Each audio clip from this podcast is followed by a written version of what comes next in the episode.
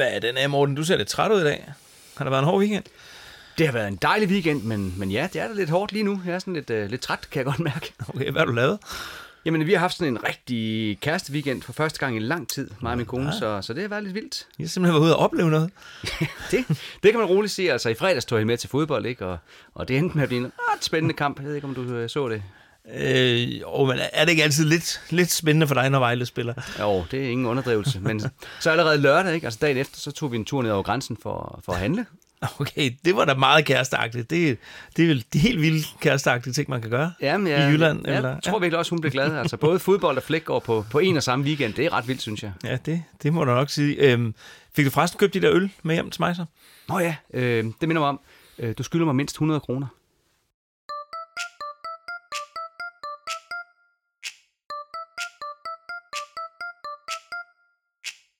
Taler kun om TV2 oh, oh. Babadabadabab. De er gode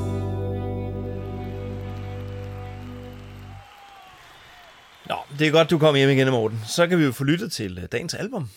Ja, øh, jeg skal lige have børstet den værste jetlag af mig, så skal jeg nok være helt skarp igen. Jamen, øh, det glæder mig til, og øh, jeg sparker dig over skinbenet, hvis jeg fornemmer, at du er ved at falde i søvn. Ja, men tak for det. Vil, øh, vil du præsentere dagens album, mens jeg lige napper en tår kaffe? Jamen, øh, ja, skål. Jamen, det vil jeg gerne. Velkommen til episode 14 af Danmarks kedeligste podcast. Vi taler kun om TV2. Året, det skal handle om i dag, det er simpelthen 1998, og pladen hedder Yndlingsbabe. Yes, det er tredje del af trilogien, der startede med Verdens Lykkeligste Mand og Kystbruden. Ja, det er rigtigt. Steffen Brandt han omtalte det som en trilogi. Hvad siger du, Morten? Er, er det en trilogi, de tre plader her? Hmm, ja, det er, et, det er et godt spørgsmål. Jeg har altid opfattet det sådan, men, men det hænger nok i høj grad sammen med, at Steffen Brandt altid har sagt det, ikke også? Øhm, men altså, der er nogle fællestræk imellem pladerne, der verdens lykkeligste mand har, det er samfundets skyld, som den dagsaktuelle samfundssatire, hvor på kystbruden, der var det kommet lad os brokke os, ikke? Og her på Yndlingsbabe, der er det måske det er Danmark, eller eventuelt klog bliver man af skade, der indtager den plads. Ja, det er i hvert fald en måde at forsvare den her trilogi-teori øh, på. Øhm, der er også det der med, at alle pladerne, de er, der bruger de mange forskellige producerer, øhm, og så er der sådan langt hen ad vejen i hvert fald fokus på, på lyden af rigtige instrumenter. Steffen Brandt, han sagde selv om øh, trilogitanken til Jyske Vestkysten, at øh, mens de indspillede Yndlingsbabe, så tænkte de ikke over, at det skulle ligne de forrige. Men her bagefter tilføjede han så, synes jeg, at konceptet på de tre plader minder meget om hinanden. Desuden lyder det jo smadret flot med en trilogi. Den titel har ellers været forbeholdt filmskaber og forfattere. ja, ja. Den er god med ham. Han sagde jo allerede i forbindelse med Kystbruden, at de var i gang med en trilogi, så jeg ved ikke rigtig, hvor, hvor reelt det egentlig er. Der er også noget andet. Det er mm. tre gode plader, i det mindste. Det er jo også en måde at synes, det er en trilogi på. Ja, det kan du godt sige, men, men alle TV2's plader er jo gode, og jeg ved ja, ja, okay. slet ikke, hvad, hvad det hedder, når man har lavet så mange plader. Hvad, hvad, de har lavet, en, er det 19 studiealbums? Ja. Så en, en 19-ologi, eller hvad kalder vi det? Jeg synes, det er det, vi kalder det. Ja. Og lad os så få hørt det første nummer på pladen. Det er Danmark.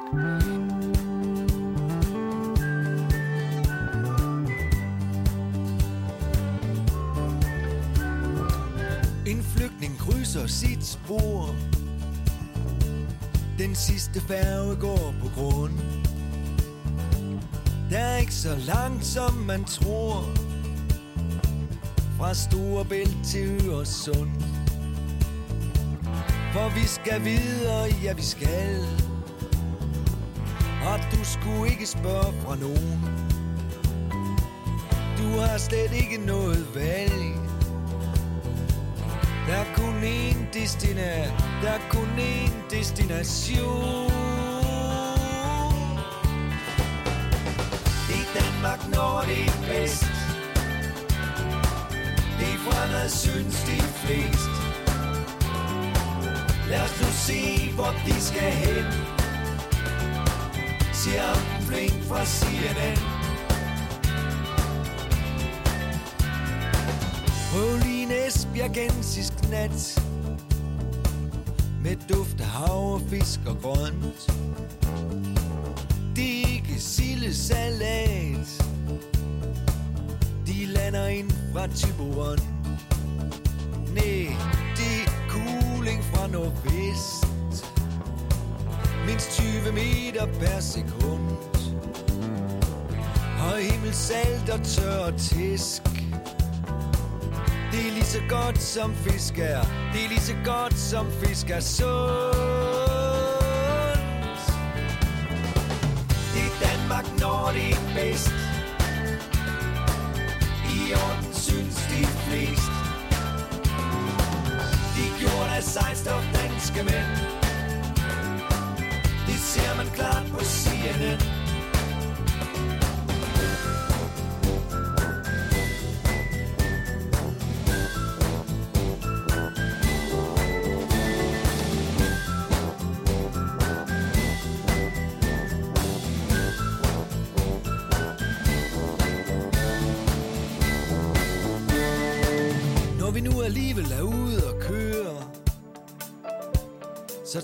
tur til København.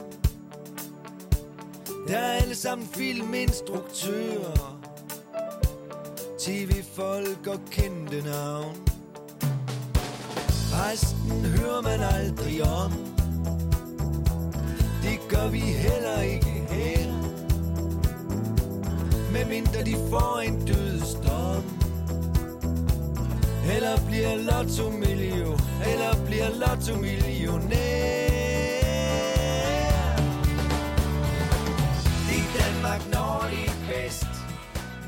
Det starter muntert ud denne gang med endnu en Danmarks-sang, kunne man fristes til at sige. På Kystbruden fik vi også en Danmarks-sang i Sommer i Danmark, men den var en poetisk beskrivelse af digternes land, hvor den her sang er noget mere konkret og knap så romantisk.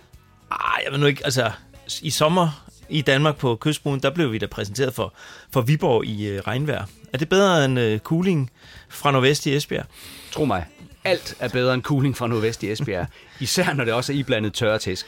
Okay, det tror jeg så på. Øh, det det er dig, der er Jyllands øh, ekspert her. Yes. Så øh, sangen her, den er baseret på øh, CNN's besøg i Danmark i sommeren 1997, øh, hvor de lavede sådan en lang udsendelse herfra. Eller Ja, vi mener, det var CNN. Ja, det var det vist. Og ja. som jeg husker, der var der endda flere amerikanske tv-stationer, der også sendte noget fra Danmark.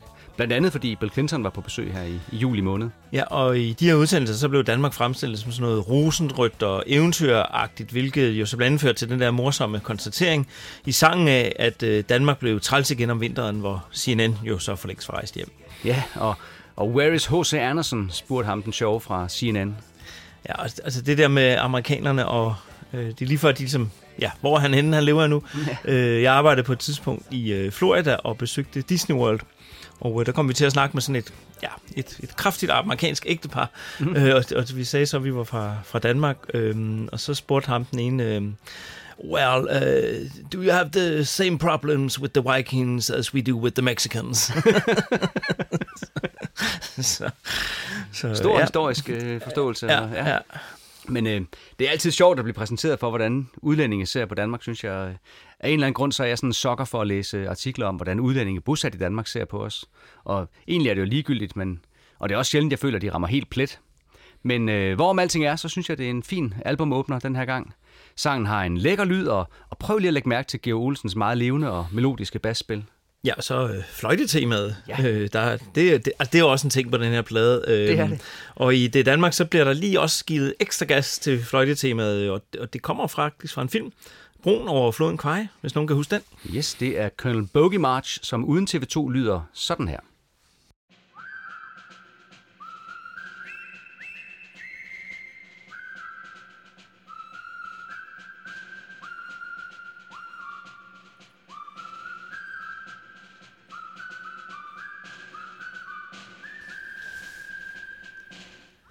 Altså, det er så sjovt, at det pludselig dukker op, synes jeg, i en øh, uh, TV2-sang. Øhm, og det gav dem jo så også anledning til at tage diverse garter øh, med ind, når de skulle optræde på tv. Ja, de øh, optrådte med sangen til et stort tv-show på TV Danmark, hvor en pigegarde pludselig marcherede hen over scenen, og da de var med i elevatoren, så var det Tivoli-garden, der medvirkede.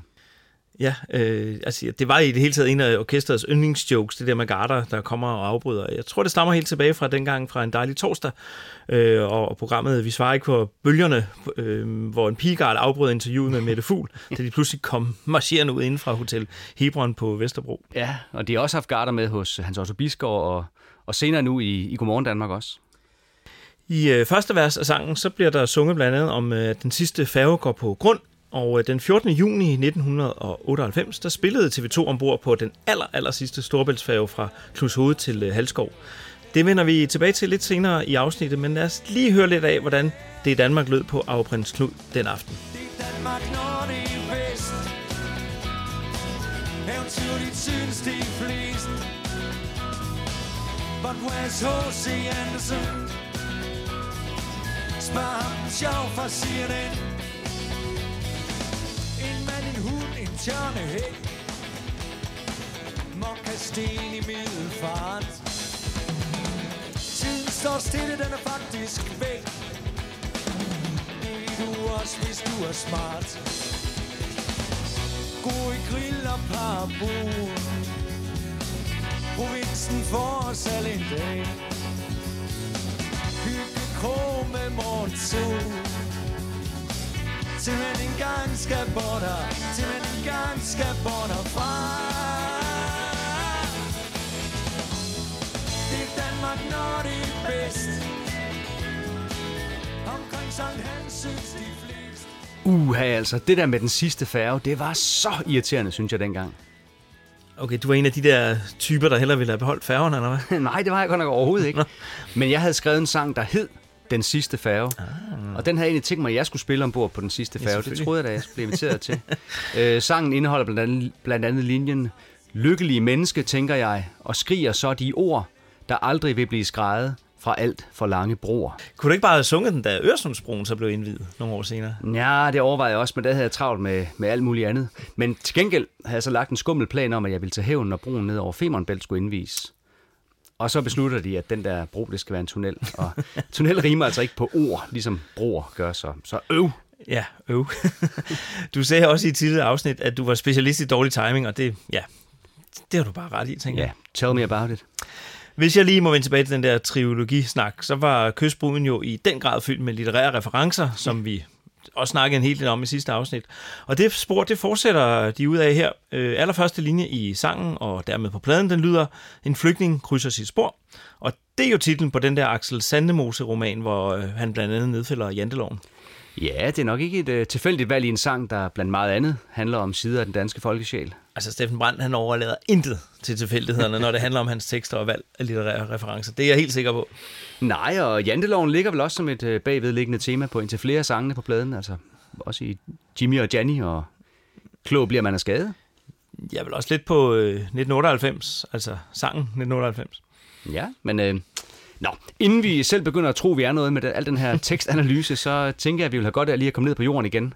Jeg ved, du har et helt særligt forhold til linjerne om, at provinsen får os alle en dag. Ja, altså Steffen Brandts beskrivelse af det der med gore i grill og parabol, det var, det var, det var lige med mit skrækscenarie øh, dengang i midt-90'erne. Det var lige præcis det, jeg var flygtet for, fra sådan året før.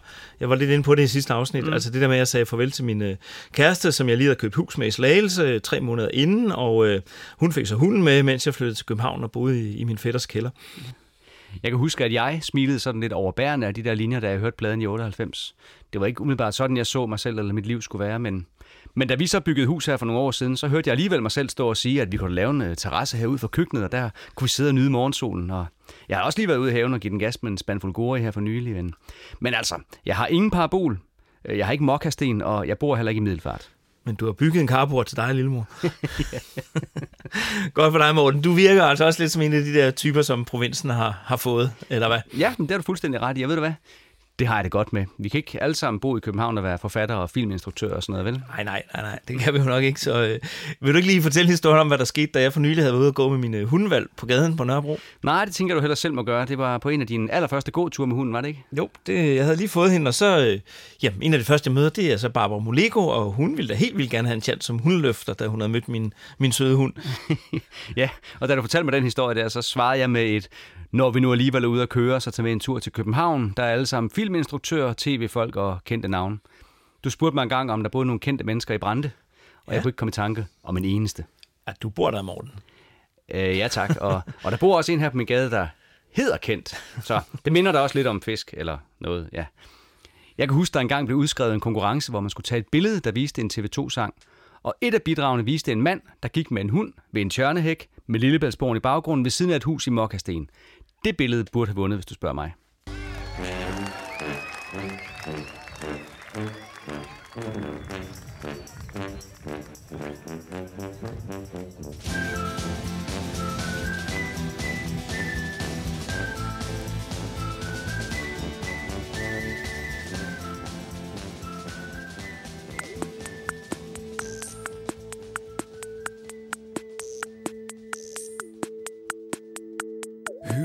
hyggeligt hej, længe siden i grunden, sjovt at se dig igen.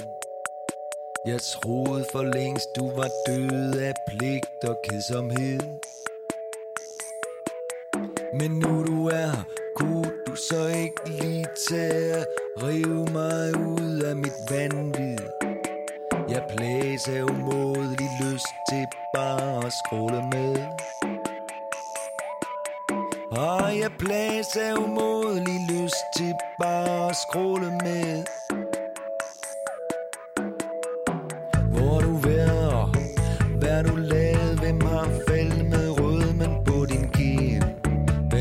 Hvem har tør ud af dine øjne?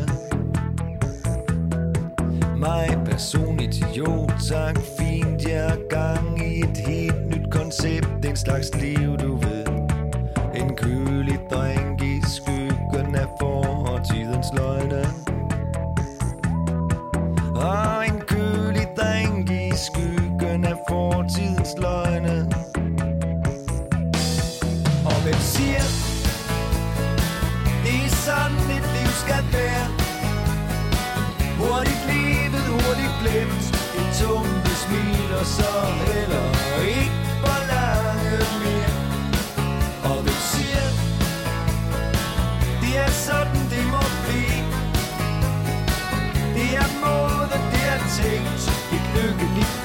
så. Og så er det film forbi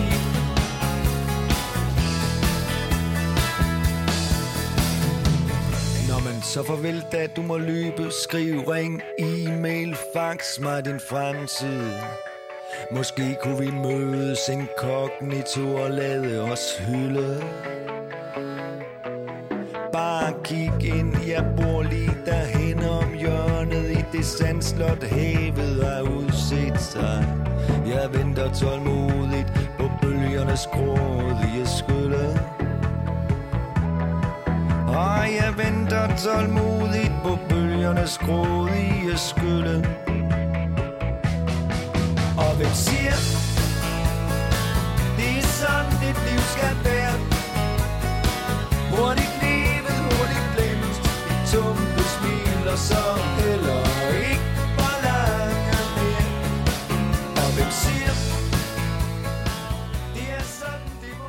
Så fik vi en sang fra den lille lomme i verdenshistorien, hvor man både sendte fax og e-mails. Når man så farvel at du må løbe, skriv, ring, e-mail, fax mig din fremtid. Ja, det er længe siden, jeg har sendt en fax til nogen om min øh, fremtid, men, men det var meget fascinerende, da faxen kom frem i sin tid. Ja, vil du ikke fortælle om dengang? Øh, og måske kan du så også nå omkring at fortælle øh, om, hvordan det var dengang, du fik lagt øh, elektricitet ind første gang. Ja, ja, ja, ja. Stop så. så meget ældre end dig, så det er jeg altså heller ikke. Nå. Øh, skal vi ikke snakke lidt om øh, hyggeligt, hyggeligt i stedet? Jo, det kan vi godt. Jeg kan huske, at det var en af mine tidligste favoritter fra pladen. Den gik øh, lige ind allerede ved første gennemlytning. Jamen, den lyder også godt. Altså, jeg synes næsten, at den her harmonika, det giver sådan en parisisk øh, stemning.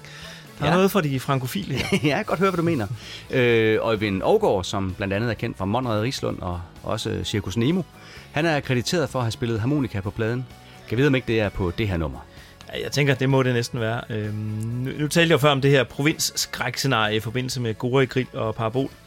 Da jeg hørte den her sang første gang, så begyndte jeg faktisk næsten sådan at, ryste lidt af skræk, fordi okay. jeg havde jo med nød og næppe lige undsluppet de der Villa Vosa og, og, og Volvo, som da jeg smuttede fra Slagelse til København. Øhm, og det skete i øvrigt kun en uge før min stort anlagte 30-års fødselsdag for venner og hele den pårykket og, og svigerfamilien. Øhm, jeg gad ikke den fest. Øh, jeg gad i det hele taget ikke det der. Så det, det lugtede langt væk af pligt og kedsomhed. Så jeg afbestilte forsamlingshuset, aflyste hele skidtet, og så tog jeg på Loppen på Christiania på min 30-års fødselsdag, sammen med to af mine bedste venner, og så hørte jeg live musik. Og den dag, så startede mit nye liv langt fra provinsen, og den fik altså ikke lov at tage mig. Nej, men øh, jeg er da glad for, at du gider at køre til Jylland en gang imellem og snakke om TV2 sammen med mig. Ja, ja, okay. Alt skal jo sættes i perspektiv. Jo. Ja. Men bortset fra det, så er der et par linjer for den her sang, som er med på listen over linjer fra TV2-sange, som jeg ofte bruger. Nemlig, hvem har tørretumplet glæden ud af dine øjne? Som jeg synes er sådan en umanerlig fin beskrivelse af en person, som, som ikke er glad, men som heller ikke står og er synlig ked af det. Man kan bare se, at glæden er tørretumplet ud af øjnene. Ikke? Og så på, på de gode dage, så kan jeg bare så godt sætte mig ind i linjen. Jeg plages af umådelig lyst til bare at scrolle med. Jamen, så har jeg jo det hver gang, jeg er til TV2-koncert. Ja, det er du ikke alene om. Prøv lige at høre den her optagelse fra Pumpehuset i København den 2. april 1998, hvor de spiller Tidens Kvinder. Hvis man lige tænker over det, så er de her vers i den sang egentlig ikke sådan oplagt at scrolle med på. Men øh, det har publikum tydeligvis ikke opdaget. Prøv lige at høre her.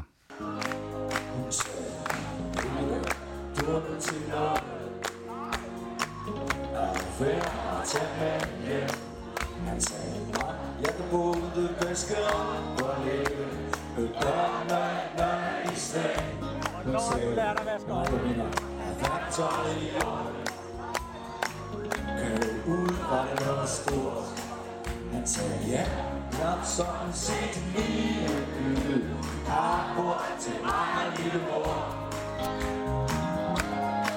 Og jeg kan bygge dig en udstue Ja, det er altså lidt vildt. Det er sjovt at høre. Jeg har nogle gange tænkt på, hvordan det må lyde op for scenen, når der står sådan tusindvis af amatørsanger og bare skråler egentlig op i hovedet. Ja, altså det er ikke et problem, som jeg har haft, når, når jeg har været optræde med mine sange, men øh, nøj, det kan da være, det kommer. Du kunne også bare skrive et hit, Morten. Altså, ja. Hvor svært kan det være? Øh, ja, om den sidste færge for eksempel. Altså, ifølge Halvstand E, som øh, vi talte med i sidste afsnit, så var Steffen Brands demo til den næste sang ret tæt på øh, det, der endte med at blive det færdige resultat. Det lød faktisk overhovedet ikke svært, da han fortalte om arbejdet med Der går min klasselærer. Hør en gang. Det er også sådan en, som, som arrangerede sig selv, altså. Mm. Det, det, det er så klar en sang, så den vidste godt, hvad den ville, da den havnede øh, i min øh, postkasse. Men hvordan, I var, den, var den allerede sådan lidt øh, latinagtig, da du hørte den? Nej, det kom til med, det lå ligesom i, jeg ved ikke, det lå i hele setup'et af Vanilla, altså der er sådan noget Cuba over det navn, mm-hmm. og det, det billede, ikke? Øh, øh, at det så ikke er så specielt kubansk, det vi lavede, men, men altså det var, det var virkelig øh, en, en ned ad bakke produktion. Der er andre numre, hvor man har, læser nogle ambitioner ind i det, og så kæmper man mod de ambitioner hele vejen igennem, mm. og kommer aldrig i mål med det. Klasselæreren var der ligesom fra starten af, altså. En ned ad bakke produktion. Ja, vel ja. Jeg fandt en øh, fjernsynsudsendelse, hvor de havde opstødet Steffen Brands dansklærer fra gymnasiet. Han fortalte dels lidt om, hvordan Steffen Brandt var som elev, og så analyserede han teksten til Der går min klasselærer, vel at mærke uden at have hørt sangen. Så her kan du høre lidt om, hvordan Steffen Brandt var som gymnasieelev. Fordi der var, foregik noget i ham, som åbenbart først kom helt øh, til sin ret senere hen. Han skrev stile, mange stile til mig, og han har vist nok siden sagt, at han havde en dansk lærer, der egentlig ikke forstod, hvad han skrev. Og jeg vedgår det gerne, men jeg tror, vi var to, der ikke gjorde det. Han selv og jeg. Vi har bedt Tystrøm Hansen om at tage dansklærebrillerne på og analysere teksten om den unge skolepige, der charmerer klasselæreren. Men Vanilla, good, goodbye, det går slet ikke med mig. Jeg er for klog og for trist, og så kommer et guddommeligt øh, udtryk i digtet, meget originalt. Og jeg har pligt for til i morgen. Hun havde engelsk for. Nu har han pligt for. Det er meget mere omfattende. Måske er han et pligtmenneske, der er låst inde i sin pligt. Tystrøm Hansen har blandt andet talt strofer, set på komposition og fortælleteknik. Og dommen, den lyder. Jeg synes, det er et uh, godt digt, fordi det er, jeg kan godt svinge mig op til, til at sige kunstnerisk gennemarbejdet, både med hensyn til billeder, rytme og rim, og frem for alt den øh, fine modstilling, der er imellem den meget fantasifulde og billedrige pige over for den lidt øh, indtørrede øh, pligtperson og- over for hende. De to sider er helt kommet frem, og den øh, ironi, der jo er. Man kan ikke blive meget grebet af digtet, det er ikke meningen, for det svinger jo på et, et nogenlunde overfladisk plan. Det er kun midlertidigt, han bliver sådan slået ud af kurs. Man tror ikke på ulykkerne for nogen af dem i, i det forhold der. Jeg glæder mig til at høre det sunget, fordi det er helt afgørende, hvordan han udnytter de der meningsløse stavelser. Bab, bab, bab, bab. Det kan han få meget ud af. Der går min klasselærer da, da, da, da. Det har man gået lige der Vil du have en karakter, så bliver det, så bliver det et sted mellem 11 og 13. Det er lidt sjovt, han øh, vil give mellem 11 og 13. Mm. Det vil svare til et 12-tal i dag. Det må det gøre, ja. Altså topkarakter. Yes. Ja, perfekt. Så jeg synes jo, det her det var rigtig godt fundet, Morten. Altså, vi får nogle gange nogle ret vilde ting med den her podcast. Ja, altså, jeg kunne ikke huske, at jeg havde hørt det der før. Ja, heller ikke mig. Øh, noget, jeg har hørt en del gange før, det er selve sangen. Altså, der går min klasselærer. Men jeg er hverken for klog eller for trist til lige at høre den en gang til. Nej, lad os, lad os gøre det. Op til udgivelsen af den her sang, der gik jeg, som jeg altid gjorde, og prøvede at forestille mig, hvordan TV2 ville lyde den her gang, og, og intet havde forberedt mig på det her. Jeg tror måske, det er det mest overraskede, jeg nogensinde er blevet for deres øh, første singleudspil fra et album. Måske i skarp konkurrence med Rejsen til Rio, og så Don't Get Me Started for Tæt Trafik i Herning. TV2 gik pludselig latin, og så lød de sådan her.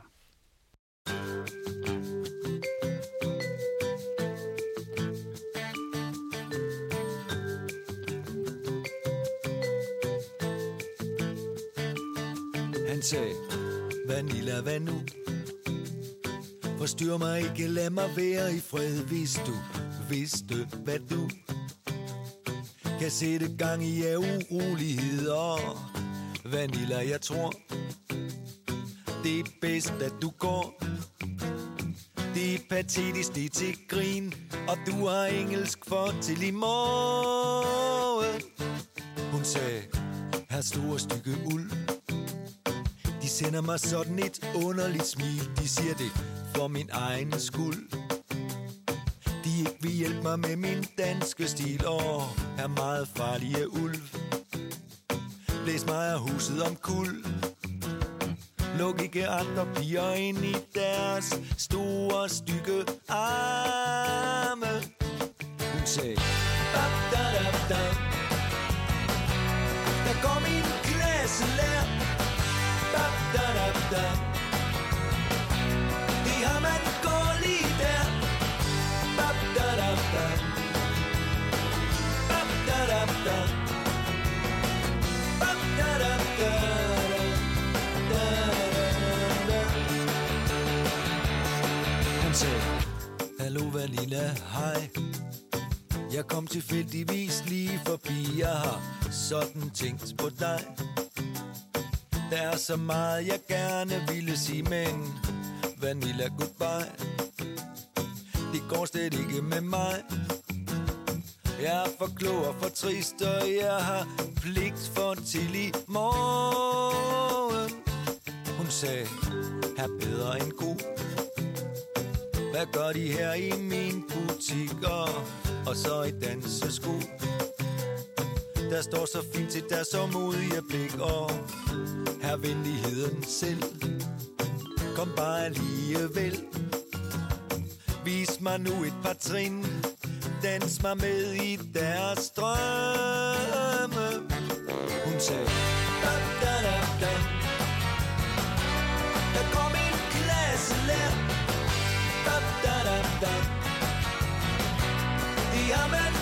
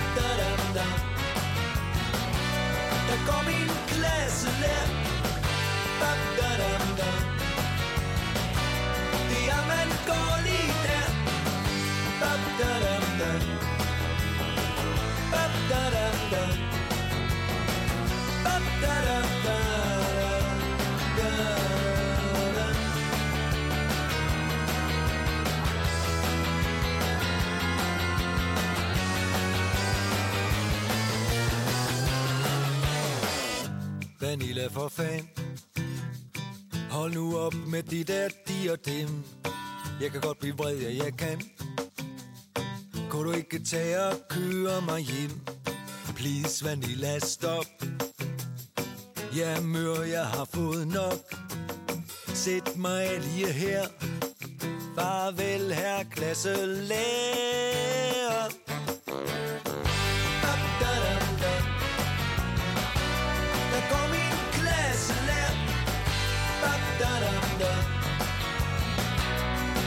Man går lige der. Bap, da, da, da. Der går min klasselærer. da, da, da, da.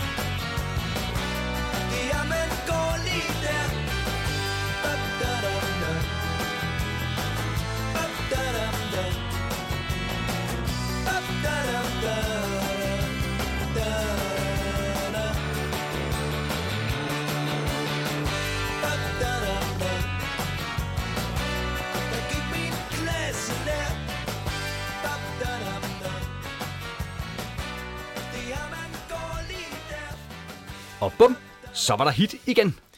Ja, det her det er vist hittet fra den her plade, øh, og det er vel også den eneste sang herfra, som sådan er blevet spillet live de senere mange år. Ja, vi det er skal det være helt ærlige. Ja, det er det. Men øh, den er til gengæld også med stort set hver eneste gang TV2 spiller, og, Ja, og Steffen Brandt spiller den som regel også, når han er ude og optræde solo. Øhm, altså solo, sammen med Annie Hjort som regel. Øhm, jeg havde en forrygende oplevelse med sangen for et par år siden, hvor han optrådte på en efterskole, og hvor han lod publikum synge det sidste ord i hvert vers. Og det skabte faktisk en del tvivl og forvirring rundt omkring. Skulle vi nu synge arme, eller var det drømme? Så Steffen Brandt han stoppede sangen helt de steder der, og så lod han os stemme om, hvad vi helst ville synge. Okay. Vi, vi kunne gå i grupper, sagde han. Ikke? Og, og når vi så var blevet enige, så sagde han, okay så, vi kører den ind med arme. altså, med reference til den der, vi kørte den ind med penis-sketch, øh, rytteriet. Det var meget, meget morsomt. Ja, jeg kan lige høre det for mig. Øh, jeg har også godt lagt mærke til, at når de spiller den live, så er der, så er der mange, der bare synger bap, bap, bap efter første vers og tredje vers. Og, altså, det må de jo ikke. Det er kun efter andet, fjerde og femte vers, der skal bap, bap, bap. Hørt? Det er så irriterende, det der, men, men selvfølgelig kunne de bare spille sang med et omkvæd efter hver vers, ja. øh, så ville alle kunne følge med. Det er et fænomenalt øh, omkvæd. Hele tricket ligger i, at det starter med et lift. Altså det starter ikke på et slag, som vil være det normale, det starter på fire årslaget, og det sætter det bare flyvende i gang. Og så musiknørder du igen, Morten, men øh, jeg kan lide det. Det er okay. Øh, jeg har faktisk skrevet i mine noter, at jeg kan høre lidt øh, Beatles-larm undervejs i den her sang. Okay, jamen øh, det kan da godt være, at øh, provinsen aldrig har fået dig, men øh, nu har min Beatles-snak i de foregående afsnit da endelig fået ramt på dig, var. Ja, måske. Ja. Jeg hører noget Herb Albert-agtigt trompetspil undervejs. Øh, kender du ham? Øh, ja, var det ikke sådan noget Herb Albert and the Tijuana Brass? Øh, ja, øh, jeg kan også høre noget øh, David Bowie noget, hvis jeg lytter ordentligt efter. Øh, Okay. Kan du huske, at vi gjorde opmærksom på, at TV2 øh, havde lavet, altså, lavet sig inspirere af introen fra Ashes to Ashes i Der er kun dig og mig fra Nærmest Lykkelig? Ja, det kan jeg godt huske. Så prøv lige at spille introen fra den sang, der hedder Quicksand, og så introen fra Der går min klasselærer lige efter hinanden. Øh, okay. Han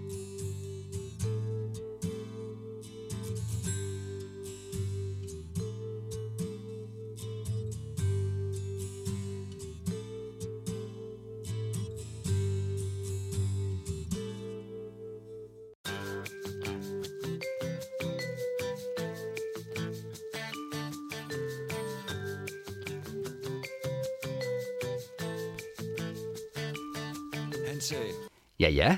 Guitar, vibrafon, jeg kan godt øh, høre, hvad du mener. Ja. TV2 har vist hørt, hørt lidt øh, David Bowie en gang imellem. Ja, og øh, Bowie, han var jo også øh, kendt som en kunstner, der, der meget tit fornyede sig, og ja, han nærmest han skiftede stil og look, ja, ja nogle gange nærmest køn fra plade til plade. øh, lige det her, der minder TV2 og David Bowie nok ikke så meget om hinanden. Nej. Øh, TV2 er jo, at de er ofte blevet kritiseret for ikke at forny sig nok fra plade til plade. Ja, og som jeg har sagt før, så er det altså ikke noget at, at kritisere dem for, Nej, hvis du spørger mig. Nej, Nej. det, det er noget, man bør rose dem for i stedet for.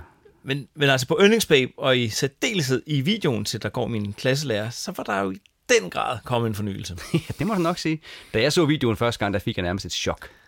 Det gør, jeg kan stadig huske det, men øh, for vores altid sortklædte forsanger, han optrådte pludselig i en dueblå rullekravtrøje. Jamen, det var helt vildt jo. Som øh, vi tidligere har snakket om her i podcasten, så var det jo en sandhed med modifikationer, at de altid optrådte i sort. Men i 1998, der havde de gjort det i mange år. Ja, og det er så heller ikke noget at sige til her. Det er lige præcis for den detalje, som øh, Kasper Christensen han blev mærke i, da Steffen Brandt var gæst i hans øh, ja, noget overgivet talkshow, Darius Joint. Prøv lige at høre en gang. Men I har altså også blevet beskyldt for ikke at forny jer for meget på, på den nye CD, men det synes jeg rent faktisk, I har. Og jeg vil godt vise et lille klip, hvor jeg synes, fornyelsen kommer rigtig til udtryk. Prøv at stoppe den der. Hvad for trøjer er på der? Der er vi jo...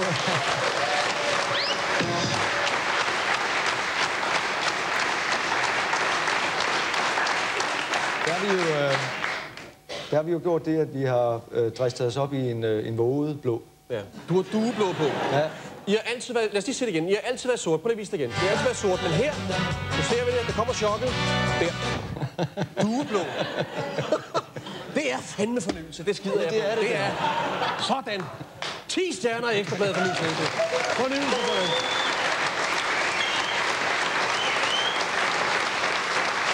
Har det været svært? Har, har skiftet været svært fra sort til dueblå? Ja, det, ved- det ved jeg ikke. Altså, for mig var det, øh, det har været en, øh, en, en øh, naturlig øh, naturlig udvikling i et, et sådan resultat af længere forløb. Efter 15 år i sort, jo, nu er det dublå. Nu er jeg, Men altså, jeg synes, er at, jeg jeg synes godt, man kan give det en chance, og så kan vi jo altid gå tilbage. Jeg har forsøgt selv at, at komme der lidt i bedene med denne øh, kiksede petroleumsblå, som jo... Jeg er ikke nået så langt som dig, kan jeg mærke så. Den her musikvideo, det er en af mine yndlings TV2 musikvideoer mm. øh, med klasselæreren. Altså Niels Olsen, han spiller ham til, til perfektion. Øh, den her øh, lidt kiksede lærer, der i den grad kæmper med at modstå den unge, smukke yndlingselev. Og ja, altså, og wow, jeg synes, hun var smuk der i 1998, men jeg var jo altså også lige blevet single. Øh, øh, og ja, altså, de, de er bare gode, både i klasselokalet og i den der bærebutik, hvor hun arbejder. Det, det, er, nogle, det, det er ret sjovt. Ja, og så til sidst, så kørte de ud i solnedgangen nærmest der sammen på hendes uh, scooter. Det er, Ja. en, det er en ret sjov video til en ret sjov tekst. Ja, er sjov og, og god tekst, vil jeg mærke. Altså, ja. jeg kan godt lide det der lille rødhætte ulven-tema, der gennemsyrer hele, hele sangen. Ikke? Her store stykke ulv, de sender mig sådan et underligt smil. Ja, de siger det for min egen skuld. Og vupti, så var skulden tilbage. Ja. Den skuld, som blev opfundet i det samfundets skyld fire år tidligere. Ja, det er rigtigt. Og øh, en af de senere års øh, mest populære romaner herhjemme, øh, Stine Pilgaards Meter i sekundet, der mm. bestyrer hovedpersonen en øh, brevkasse i den lokale avis. Og øh, jeg vil bare læse en lille smule op for dem, der ikke har bidt mærke i de her ting. Fordi der kommer blandt andet et, øh, et brev til den her brevkasse, øh, hvor der starter med, øh, jeg er en nyuddannet mandlig gymnasielærer, der lige er begyndt på mit første rigtige arbejde. Og så skriver han lidt mere, og så skriver han øh, til sidst, at han er klasselærer for en 3.G, og særligt en af eleverne er meget opsøgende, når hun bliver beruset. Selv om hun er både køn og begavet, går det jo ikke. Vel, de bedste hilsner fra klasselæreren. Øh, og øh, brevkasseredaktøren svarer så øh, lidt om, at øh, man ikke skal score sine, øh, sine elever, og også lidt om, at man ikke føder i andres biler. Øhm, øh, så øh, sådan cirka en øh, ja, halvanden hundrede sider længere fremme, så kommer der et nyt brev til, til den her brevkasse, og så er det så en, øh, jeg er en pige på 18,5, der gør mig nogle tanker. En af mine lærere er en utrolig flot mand, høj og mørk og tidligere model. Jeg er meget forelsket i ham, og tror, han måske nærer de samme følelser for mig. Øhm, og så spørger hun så, øh, jeg bliver student om et halvt år. Skal jeg vente med at erklære ham min kærlighed? Tror du, han føler det samme som mig, kære brevkasse? Kærlig hilsen, Vanilla. Mm. Og Vanilla får et svar fra, øh, fra brevkasseredaktøren her. Øh, blandt andet, at øh, man tæller ikke sin alder i halve år, når man er gået ud af børnehaven. og man for øvrigt heller ikke skal score sin, øh, sin lærer. Øhm, til sidst i bogen, så kommer der endnu et brev øh, til øh, brevkassen, som lyder, kære brevkasse, du skal vide, at vi elsker dine svar, og at din brevkasse er kult i vores vennekreds. Vi er et ung par, der efter mange forhindringer har fundet sammen. Som henholdsvis ansat og indsat mødtes vi på et middelstort provinsgymnasium, hvilket giver en del udfordringer, da det er en anstrengelse at skjule så stærke følelser i undervisningen. Der er seks uger til den afsluttende eksamen. Hvad skal vi gøre? Kærlig hilsen, de hemmelige kærester. Og brevkassen svarer, kære herr klasselærer og Vanilla. og så øh, skriver hun til sidst, når I nu ikke lytter til mig, så håber jeg, at der er sex på katheteret og tårnhøje karakterer. Nogle fordele må der være. Glæd jer til ferien, nyd jeres drama og dans mig med i jeres drømme. Kærlig hilsen, brevkassen.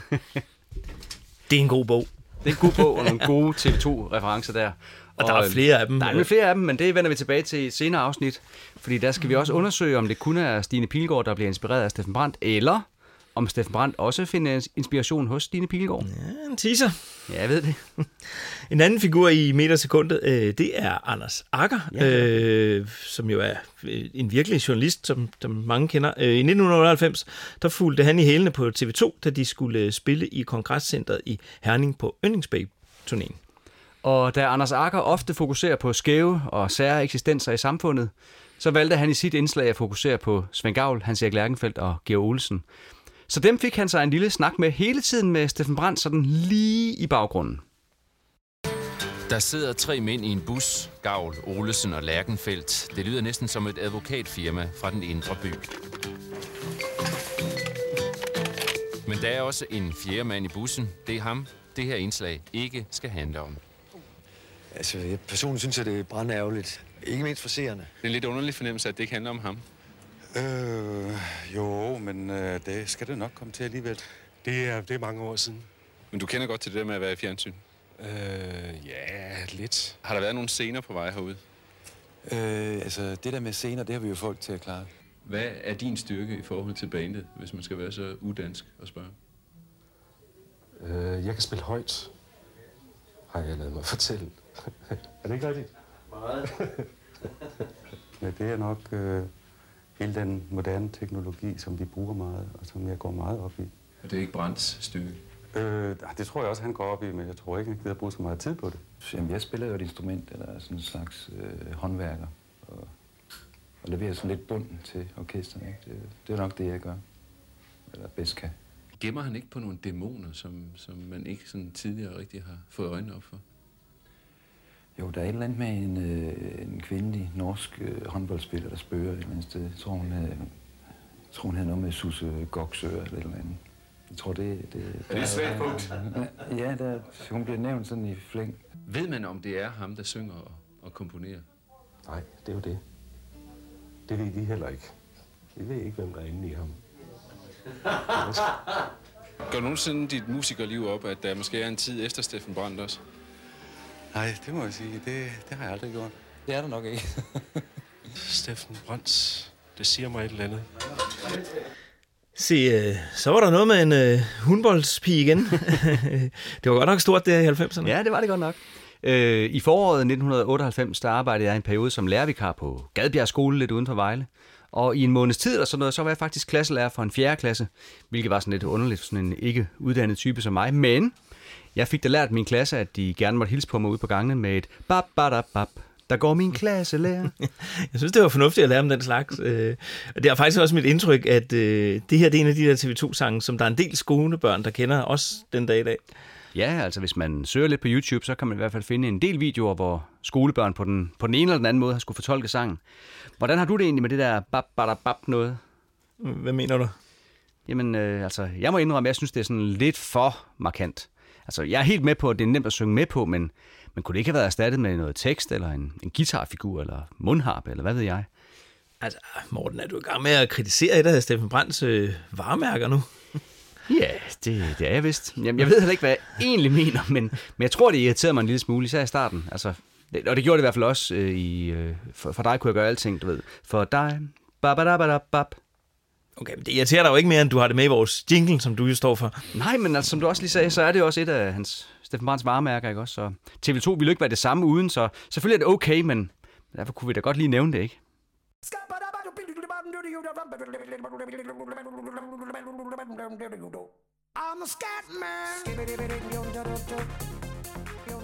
Og nu vi er i gang med de sjove lyde, der kan komme ud af Steffen Brands mund, så spillede TV2 til mit gamle gymnasiums 25-års fødselsdag. De stillede op uden ekstra keyboardmand og uden Aarhus Horns. Og da de nåede til trompetsoloen i, der går min øh, klasselærer, jamen det virkede som om, de kiggede sådan rundt på hinanden. Hvad gør vi nu? Hvad gør vi nu? og så måtte øh, Steffen Brandt jo lige træde til og så bare synge soloen der. Han skulle da bare have taget sit øh, signalhorn med. Ja, ved du hvad? Det ville have været episk.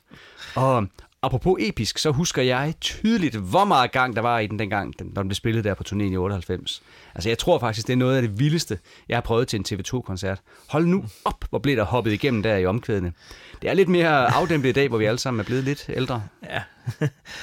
øhm, og det, er, altså, det er jo en god sang. Øh, Og en af vores trofaste lyttere, hun skrev til mig, at øh, hun kunne huske, at bokseren Mads Larsen engang blev stillet et af de mest klichéfyldte af alle klichéfyldte sportsjournalistspørgsmål. Øh, hvad forventer du af kampen? og måden Mads Larsen svarede på, det var bare ved at synge, bap, da, da, bap, der går min klasselærer. jeg har ikke kunne få verificeret den her historie, men vores lytter, Tine, hun virker jo troværdig, ligesom alle vores lyttere i øvrigt, så lad os stole på, at den her historie er sand. det er i hvert fald sjovt, hvis, hvis, hvis den er. Og endnu sjovere, hvis nu modstanderen i kampen faktisk var hans gamle klasselærer. ja, det, kunne. Øh, det ligger også meget godt i tråd med, at klasselæreren, altså det, den er hyldesjov og synge medvenlig, og øh, ja, den har alle de der kvaliteter, vi, vi ellers har nævnt. Øh, jeg synes, den har en stensikker plads på min top 3. Er det rigtigt? Mm? Mm? Nu overrasker du Michael, men, men ja, den, den er god. Og, og, og så ligner der, som også vi hørte før, dans mig med i deres drømme, og, og det med at kunne have pligt for til i morgen, det, det er genialt. Og så er det titlet Sangstid.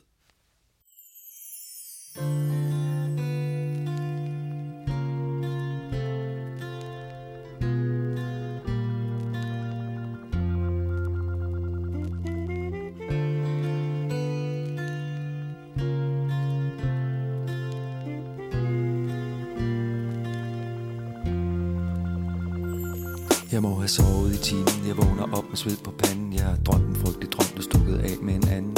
Det er løgn, siger jeg til mig selv og kniber mig i armen. Det er en dårlig spøj, en joke, det er kulden, det er varme Det er kulden, det er varme Måske mest varme Efter alt, hvad jeg har gjort og vil gøre for dig. Ja, du har stort set altid kunnet regne med mig. For eksempel har jeg ofte været næsten lige ved Og var der sket noget, havde jeg stået på det rette sted. For du er min yndlingsbabe er du min yndlingsbabe?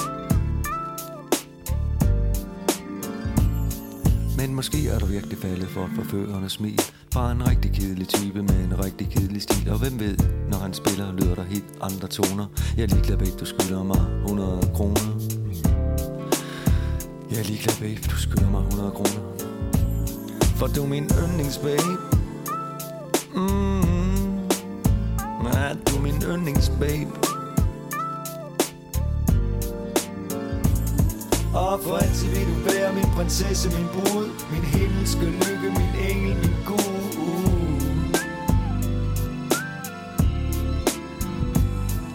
Og alt det andet ved, det kommer helt af sig selv. Lov mig nu, du bliver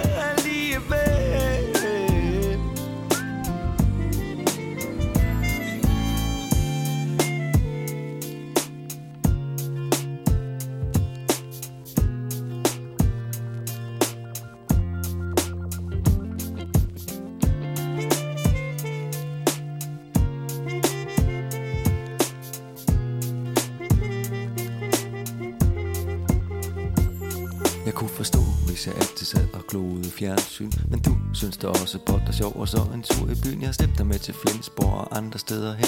Skal vi to aldrig mere handle tolvfrit igen? Handle tolvfrit igen. Hva? Hvis jeg så havde lavet dig sejle din egen sø Men hos mig står du forrest i en endeløs kø Af håbløse drømme om storhed og fald. I en råden atmosfære af sladder og skandal. Du er min yndlingsbabe Er du min yndlingsbabe. Jeg kunne forstå, hvis du havde været nummer to, tre eller fire Men du er den sødeste, jeg kender af alle søde piger. Vi har snakket og snakket i mobiltelefoner Hvilket minder mig om, du skylder mig mindst 100 kroner. Du skylder mig mindst 100 kroner. Men du er min yndlingsbabe. Mm. ja, du min yndlingsbabe. For altid vil du være min prinsesse, min brud Min himmelske lykke, min engel, min gud.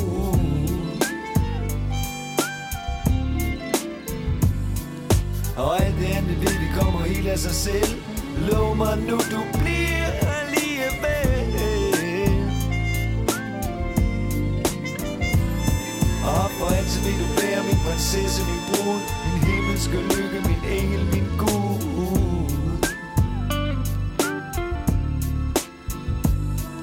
Og alt det andet ved, det kommer helt af sig selv.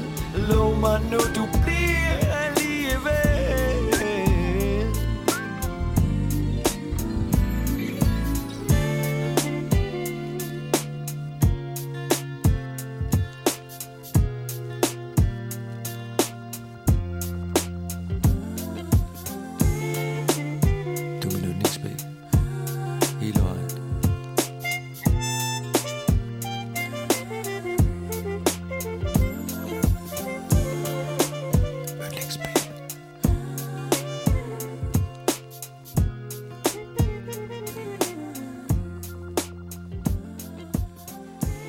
februar 1998, der havde min kæreste lige forladt mig. Kun 14 dage før Yndlingsbabe udkom. Det var jeg en lille smule træt af, for nu at sige det mildt. Eller, jeg havde kærestesover, lad mig bare kalde det det, det var. Og jeg kunne overhovedet ikke høre det sjove i titelsangen her. Jeg må, jeg må have sovet i timen, jeg vågnede op med sved på panden. Jeg har drømt en frygtelig drøm, du stukkede af med en anden. Det er løgn, siger jeg til mig selv og kniber mig i armen. Det er en dårlig spøj, en joke. Det er kulden, det er varmen. Det var på ingen måde morsomt i hvert fald. I anmeldelser og interviews stod der, at sangen var hylende morsom. Jeg tænkte bare, at de overhovedet ikke fattede, hvor alvorlig den her sang den var. Nå, så senere på pladen, så synger de, jeg anråber himlen og sværger til... Nå, det kommer vi tilbage Det kommer vi til, ja. Ja, stakkels Morten. Øhm, jamen, her kan man igen tale om TV2, der ramte sådan lige midt i dit liv, øh, hvor du var. Øhm, Mhm. mm-hmm. Og jeg kan jo godt se, at det kan være hårdt at høre, hvis man ikke kan se det sjove i det. Det kan du godt i dag, ikke? Jo, jo, jo, jo. Altså Nå. i dag synes jeg, det er en af de sjoveste sange overhovedet. I, øh, I politikken blev Steffen Brandt spurgt, om hans humor var blevet mere nedtonet. Og til det svarede han sådan her. Hvis jeg skal være lidt selvsmagende, er min humor nok blevet lidt mere forfinet sine steder, lidt mere spids, og nogle steder sparker den det, man for to måneder siden stadig kaldte røv. Jeg synes stadig, at man er godt underholdt undervejs i vores musik, og det sætter jeg pris på. Også i litteratur og film, der skal kunne fastholde mig. Jeg kan ikke lade være med for eksempel i sangen Yndlingsbabe eller Fyrens side sige, skal vi to aldrig mere handle tolvfrit igen i det opgør, de har. Det får altså mig til at grine, for det er sådan, vi kender det fra os selv, og de andre især. Det er ikke en humor, hvor man fylder de store ølkruser og slår hinanden på lårene, men det er befriende. Befriende for alle andre end dig, Morten. Så. Ja, lige præcis. Men til gengæld, så kan jeg jo grine dobbelt i dag, fordi nu kan jeg både grine over, hvor sjov sangen er, og så kan jeg grine over, hvor sjovt det er, at jeg i den grad overså humoren dengang. Ja, det er selvfølgelig meget godt. Så, øh, jeg var jo, øh, som også tidligere nævnt, øh, ja, jeg var også single på det her tidspunkt, men det var sådan mere selvvalgt. Øh, jeg, drømte, øh, jeg drømte om at møde en pige, der kunne vække sådan nogle følelser i mig, som, øh, som hun, så hun kunne blive min yndlingsbabe. Øh, ja, så må hun så også gerne hedde Evelyn, og ja, hun må også gerne skile lidt, ikke? Nå ja, du er på den der evige Evelyn-jagt. Men øh, selvom sangen den slog så hårdt, som den gjorde, så, så kunne jeg sagtens høre, at den lød fedt. Altså evig og evig jagt, øh, det håber jeg så i øvrigt ikke, men, men ja, det er jo TV2 Go's øh, R&B. Øh, det er den tidligere news-trommeslager Peter Biker, der har produceret nummeret. Uh, jeg elsker, når jeg kan fyre min TV2 News-joke af. Ja, ja, det burde du ikke gøre i dag. Ah, Okay. Ja. øhm, nå, jeg, jeg er også vild med lyden. Især det med, at Steffen Brandt han øh, synger eller snakker så tæt på mikrofonen. Det lyder sådan lidt ligesom øh, Dan Tyrell på de der Halvdan E-plader, vi, øh, vi snakkede med ham om øh, sidste gang. Ja. Øh, og, og så er det jo egentlig ret sjovt, at det er ikke er Halvdan E, der har produceret lige præcis øh, det her nummer. Ja. Øh, Svend Gavl sagde så sent som i 2012 til Jyllandsposten om stilen på nummeret, at det var første gang, de legede med den amerikanske stilart R&B. Det var en udfordring, sagde han, og vi erkendte senere, at det ikke var en vej, vi skulle fortsætte på. Senere så kommer Peter Biker også til at producere Vild Tid på Amerika, og både øh, titelnummeret og Herlev, det er skønt fra kanten, på kanten af Småt Brandbart. Øh, altså, de fortsætter jo en lille smule på vejen på de kommende plader også. Ja, det er nok primært vild tid, der kan ses som et decideret R&B-nummer, men lad os vende tilbage til Yndlingsbabe. Steffen Brandt sagde selv om lyden på sangen til Jyske Vestkysten, at det var en sang, som ville lidt mere end R&B. Det er voksent, uden at være kedeligt. Ja, nærmest cool, mente han. Til BT så sagde han, at øh, danske mænd var en flok hyggefiser, der troede, at kærlighed var lige med at invitere konen ned på troldfrit indkøb. Hvor hyggeligt kan det blive, spurgte han, før man bliver hentet af sin egen selvgodhed eller selvtilfredshed. Første gang man griber sig selv i at gå weekenden i møde med fedtet hår, skægstube og joggingtøj, har man allerede tabt. Man giver køb i forhold til de krav, man stiller til sig selv. Og han havde altså virkelig set sig sur på joggingtøj på det her tidspunkt. Til Fyns Stifttidende sagde han sådan her. Der er ikke noget galt i, at man har joggingbukser på, når man er på vaskeriet. Men næste gang er det måske i brusen. Og sammen med kæresten, der også har joggingbukser på. Når man sænker niveauet, løber provinsen af med sejren. Ja, han gik meget op i det, men jeg synes også, det var helt berettiget. Altså, jeg er bange for, at jeg også nåede at have sådan et ovenikøbet ens og meget spraglet 90'er joggingsæt sammen med, sammen med hende, der jeg gik fra, øh, da jeg flygtede fra provinsen. Øh, og vi vender endda tilbage til endnu mere joggingtøj øh, lige om lidt, når vi skal møde øh, Jimmy og Janni. Ja, og altså måske er det derfor, at lige netop Yndlingsbabe blev navnet på hele pladen. Fordi den tydeligvis berørte nogle emner, der lå ham så meget på sinde, altså parforhold og, og, og joggingtøj. Ja, og grænsehandel. Ja. det har du ret i. Øh, det var nok derfor, at pladen kom til at hedde, hvad den, hvad den hedder. Ja, altså personligt synes jeg, det er en lidt mærkelig øh, albumtitel. Nu ved jeg ikke godt, det lyder helt som om, jeg sidder og kritiserer, Ja, men jeg og det, er ikke, også. det er ikke det, jeg vil, men... Det er stadig den der øh, bytur med konen, ja, du har blæret dig. men, men kunne pladen ikke lige så godt have heddet øh, Det er Danmark, eller Klog bliver man af skade, for den sags skyld? Altså, helt ærligt, det har jeg aldrig spekuleret på. Øh, yndlingsbabe hedder yndlingsbabe, fordi det har TV2 bestemt. Øh, så behøver jeg egentlig ikke tænke mere over det. Nej, men det er også, det er også fint nok. Og jeg holder egentlig også meget af at sætte yndlings foran alt muligt. Altså Steffen Brandt, han er min yndlingsforsanger. Hans Erik Lærkenfeldt er min yndlingsgitarrist. Og Svend Gavl er min yndlingstrommeslager. Og, og Georg Olsen er og bliver min yndlingsbassist. Og, og da jeg sin tid havde øh, fanklubben, der hed vores medlemsblad Yndlingsbladet. Det, det var også min idé. Vi taler kun om TV2. Det er min yndlingspodcast. Ja, det er også min. Og, og i øvrigt så hader jeg, når folk skriver yndlings med G i stedet for D. Hørt. Altså, det, det betyder noget helt andet. Man kan for eksempel spille yndlinge fodbold. Ja, lige præcis. Øh, nu er vi ikke nået til anmeldelserne af pladen endnu, men Midtjyllands Avis skrev en ret negativ anmeldelse af pladen, og hele vejen igennem skrev de yndlingsbabe med G. En dag i overskriften. Helt ærligt. øhm, har du forresten nogensinde hørt Steffen Brandt synge sammen med hende deroppe fra Island? Altså, hvem tænker du på? Hende op fra Island? Ja, hende der, hende der den dygtige sangerinde, der bor på Island. Oh, hvad er det nu, hun hedder? Tina oh. Dikov? Nej, nej, hende den anden. Åh, oh, kom nu. Det er noget med, noget med B. Ah, Bjørk, Morten. Bjørk! Tak, Michael, tak. Åh, oh, det var helt væk der. Det var Bjørk, jeg tænkte på. Har du nogensinde hørt uh, Steffen Brandt synge sammen med hende? Øh, nej, det er jeg godt nok ikke. Har de sunget sammen? Ej. Nej, det har de ikke rigtigt, men, men der er nogen, der har leget med at sætte hendes sang I Miss You sammen med Yndlingsbabe. Prøv lige at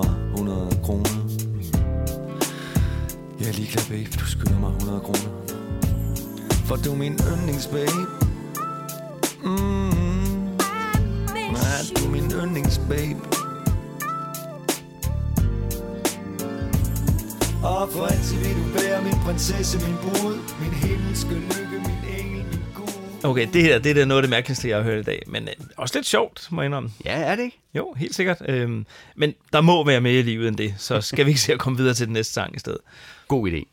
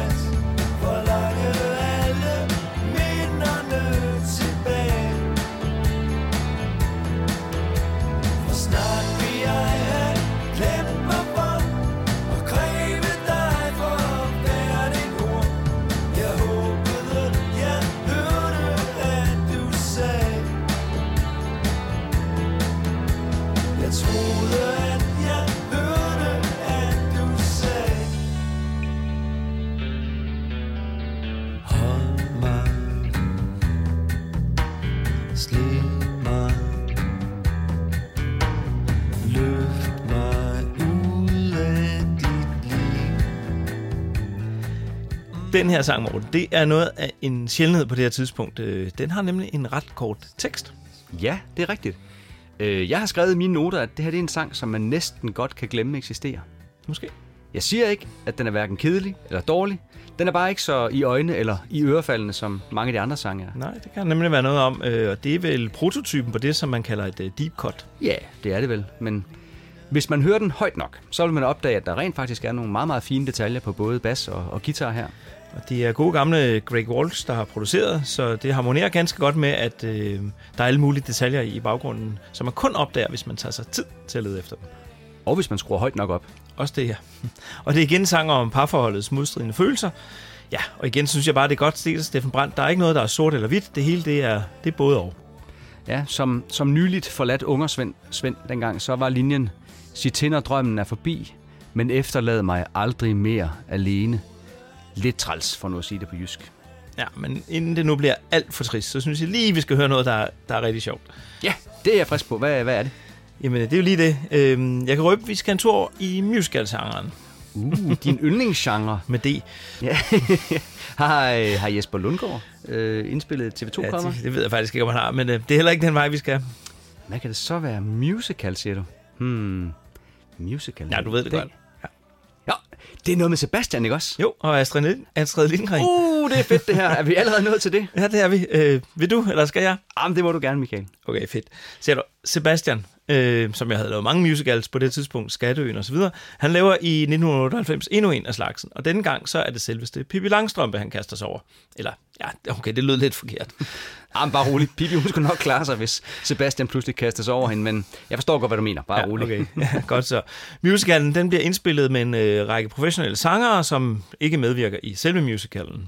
Ja, ligesom det gjorde med Skatteøen i sin tid, hvor, hvor Steffen Brandt var med. Ja, præcis. Og dengang så er Steffen Brandt så med igen. Og han synger rollen som øh, Klang. Øh, du ved, den ene halvdel af det der utrolig hårdkogte og skarpe politi du Kling og Klang. Og, og det nummer har vi sådan glædet os til at spille for jer, så nu kan I høre Sebastian og Steffen Brandt som henholdsvis Kling og Klang i nummeret af samme navn.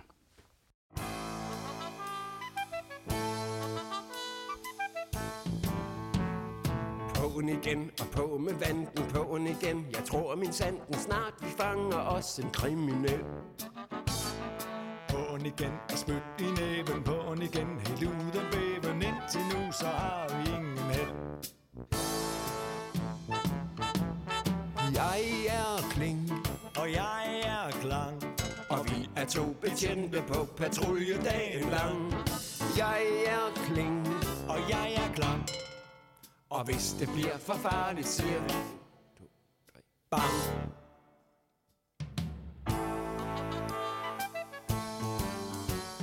På'n igen for landeriet, på'n igen. Der er en pige, som skal puttes i et børnehjem. Påen igen for lov og orden, påen igen som lyn og torden. Vi har hørt, at hun har været slem. Jeg er Kling, Og jeg er klang, og vi er panserbasser, der går dybt i sagen sammen.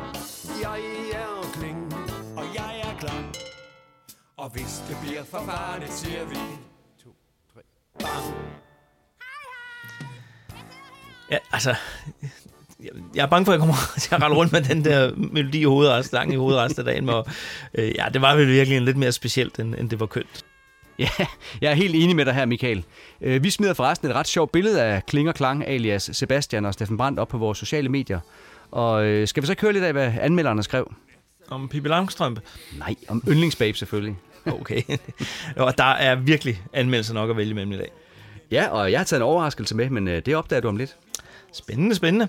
Øhm, lad mig lægge ud med Lars B. Jørgensens anmeldelse fra Berlingske Tidene. Under overskriften Et land i provinsen skriver han sådan her.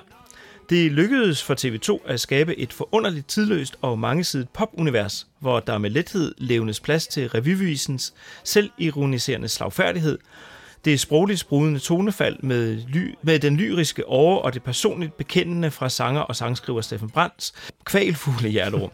TV2 er endnu en gang noget nær det bedste hold, når der skal laves bredspektret popmusik, hvor så godt som alle kan være med uden at skamme sig.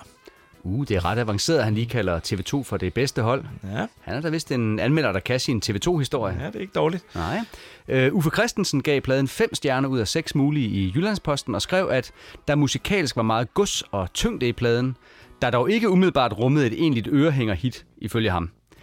Frem for at være hitfixeret, skrev han, er det i højere grad en plade, der maner til sund eftertænksomhed og selvrensagelse. Yndlingsbabe er bestemt ikke den mest umiddelbare og mest tilgængelige TV2-plade til dato. Den kræver tid og adskillige gennemlytninger, men derefter sidder den også lige i skabet. Vores øh, odenseanske anmelder, øh, ven Jesper Mads Eriksen, han skrev i Fyns Stifttidene, at øh, der er masser af idéer og detaljer at gå på opdagelse i, og få klichéer i en musik, der i sin grundsubstans nok er typisk TV2, men især på de sidste to numre er noget af det mest eksperimenterende, man har hørt fra bandet. Det ville være synd, om man ikke undede sig den oplevelse at gå på opdagelse i de klap så umiddelbare sange. Torben Bille sad på information og jublede under overskriften Provinsen får os alle en dag. Skam få den, der brokker sig over tankevækkende pop, iklædt elegant easy listening klangdragt af ikke ringe sværhedsgrad. Isprængt den obligatoriske brødsø af elektrisk guitar. Men gemt i små lidenskabsmættede lakuner rundt om på pladen, finder man nye pejlemærker for Steffen Brandt og TV2. Orkestret har udvidet sendefladen uden at miste fokus. Isprængt den obligatoriske brødsø af elektrisk guitar. Ja, som der står i- det står i alle anmeldelser. har ingen nogensinde brugt siden. øh, Dagbladet Arbejderen, dem har vi vist ikke citeret før. Nej. Ja, okay, de skrev sådan her. Om så Steffen Brands tekster blev pakket ind i lyden af en skærveknuser, ville hans satiriske samfundsbid skære sig i vej gennem støjen. Denne gang, som så mange gange før, med tekster, der vækker til eftertænksomhed på randen af et årtusindskifte. Ja, ja, det er fine anmeldelser de her, men øh, er du klar til din overraskelse? Ja, det tror jeg nok. Hvad har du fundet til mig? Jeg har fundet en anmeldelse fra Weekendavisen skrevet af...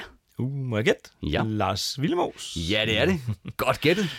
Øh, Jeg prøvede lige at sætte anmeldelsen ind i en leaksteller, da jeg havde fundet den, og øh, den sagde altså, at anmeldelsen var leaks 94, så den er i kategorien øh, meget svær. Ja, okay. vil, du, vil du høre den alligevel? Ja, okay, selvfølgelig. Altså, jeg elsker jo Lars Vilmos anmeldelser, især hvis, især hvis jeg ikke kan sove. okay.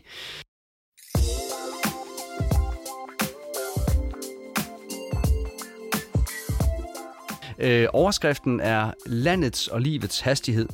Og så skriver han ellers sådan her. Det er med sangeren og sprogmanden Steffen Brands stilrent underfundige observationskikkert i panorering mellem yndlingslokaliteter, akutte stemningsglimt og gennemlevet hverdagsmelankolsk dagdrømmermentalitet blevet en alt overvejende velkomponeret, subtilt raffineret samling. Der var et punktum. I kraft af gruppens brede stil, elegante popsmag og finurlige humor, fortjener den med sine gode ord og generøse strøg af blæser og strygerklange, tilsat de garvede TV2-håndværkers disciplinerede spil, sin sikre og givende plads i den offentlige æder, ligesom sangene formår at vokse ved et afgørende nærmere bekendtskab. Facit er, at TV2 nok engang kommer solidt nedenunder og omkring den hyggenarkotiske danske livstrøm og dens sæsoner på et album, der måske ikke helt har det fabelagtige himmelspjæt af inspiration, som bare kysbruden, men alligevel igen befester kvartetten som et af landets bredeste og mest opfindsomt appellerende musikalske samlingspunkter. Yndlingsbabe er først og sidst en overbevisende demonstration af, hvor mange vedkommende historier, der stadig kan få nærvær, fylde og overraskende resonanser i en musikalsk gennemarbejdet og sprogligt original dansk blanding af pop og rock. Og så må du gerne trække vejret, Morten. Som jeg hørte, så skriver han dybest set bare, at TV2 har lavet en god plade. Igen. Ja, det er vist nok essensen af anmeldelsen. Lad os øh, holde en anmelderpause og høre den næste sang.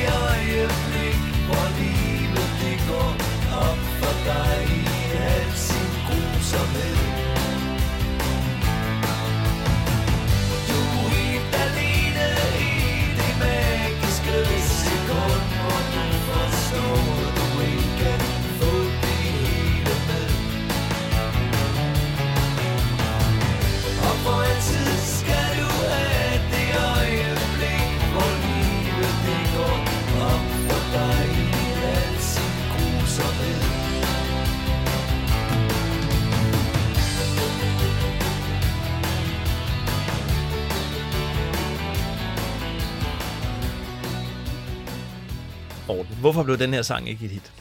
Jamen, det, det ved jeg faktisk heller ikke. Måske er den for deprimerende. Altså, de, de får i hvert fald ikke hinanden til slut i den her sang. Øh, nej, de mødes jo aldrig rigtig helt om noget, de kan være fælles om. Øhm, og så ender de med at være helt alene, øhm, som jo så nok også er titlen på sang. Ja, øh, personligt er jeg vild med de der meget korte og meget præcise personkarakteristikker, som Steffen Brandt får lavet her. Altså, hun var varm som vinden og flygtig som et kys, mens han var skiftende som vejret og restløs som en satellit. Ja, det er meget poetisk. Øh, jeg hører dem lidt ligesom de der samme to, der var med i rejsen til, til Rio, og, øh, og så pakket ind i en meget glad melodi. Ja, med endnu et af disse magiske omkvæd, som der er så mange af på, på Yndlingsbabe faktisk. Læg mærke til, hvordan melodien i omkvædet, den starter højt op, og så arbejder den sig nedad, efterhånden som personerne i sangen opdager, hvordan den barske sandhed om livet går op for dem i al sin grusomhed. Her understøtter melodien virkelig teksten og understreger, hvis nogen skulle være i tvivl, at Steffen Brandt er et geni. Bum! Så har jeg sagt det højt. Igen. Nå ja. Morten, har du nogensinde oplevet det der magiske sekund, hvor du forstår, at du ikke kan få det hele med? Ja, det tror jeg faktisk, jeg har. Den der erkendelse af, at de valg, man træffer undervejs, åbner nogle døre, men lukker nogle andre. Det, det kender jeg godt, må jeg sige. Hvad med, hvad med dig? Jo, jo, helt bestemt. Øhm, Jeg har bare aldrig kunne formulere det lige så præcis, som øh, Steffen Brandt kan. øh, Men ja, ja, det er også derfor, at jeg er glad for TV2, ikke? Så. Det er jo lige præcis derfor, vi har det, som vi har det. Øh, da pladen kom ud, var der lidt polemik om, at melodien i sangen sine steder mindede lidt om Kim Larsens dagen før. Og det er sådan set rigtigt nok, men det er meget kort, den gør det, så det er ikke nok til, at jeg synes, vi behøver at gøre mere ud af det her. Nej, helt enig. Vi, vi havde også Kim Larsen med sidste gang. Øh, Jeg vil faktisk hellere høre den næste sang, hvis det er okay med dig. Det er helt okay med mig. Jeg synes faktisk, det vil være cool. Jimmy hader udviklingen han synes fremtiden er noget tang. Han vil hellere stå og knalde ud Med gutterne til fodboldkamp. Jimmy kender Jenny De er så godt som halvvejs forlovet Og hun har lagt lidt penge til side. Der skal i hvert fald ikke mangle noget. Jimmy elsker Jenny højt Og Jenny holder af Jim Hvad folk de siger betyder ikke en døjt Der skal ikke komme nogen her og bestemme.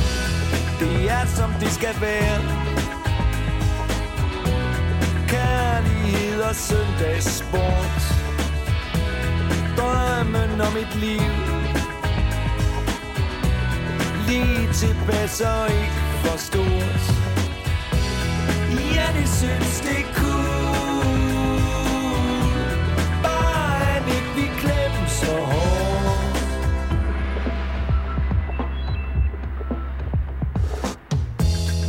Janni hader EDDB hun ser det lige lovligt opreklameret Janni ved godt, hvad tingene er værd. Hun har aldrig fået noget for ære.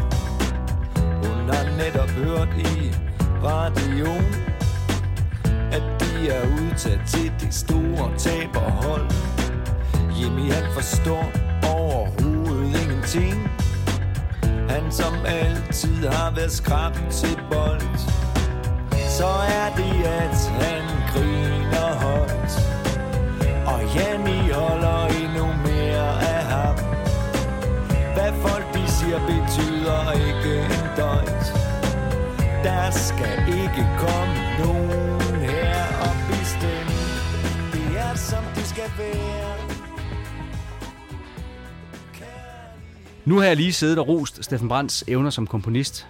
Så synes jeg godt, jeg kan tillade mig at sige om den her sang om Jimmy og Janni, at det ikke er hans stærkeste melodi.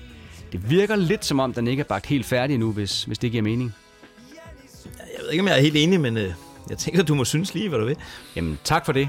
Og altså, det her break, det, det kompenserer da også lidt for det, som melodien ellers måtte mangle, synes jeg.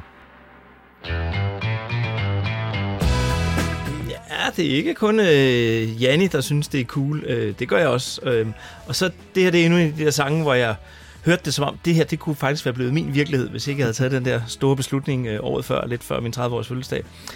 Drømmen om et liv lige tilpas og ikke for stort. Altså, det kunne jeg bare slet ikke se mig selv i. Øh, Jimmy og Janni fra sangen, de er udtaget til det store taberhold. Også det.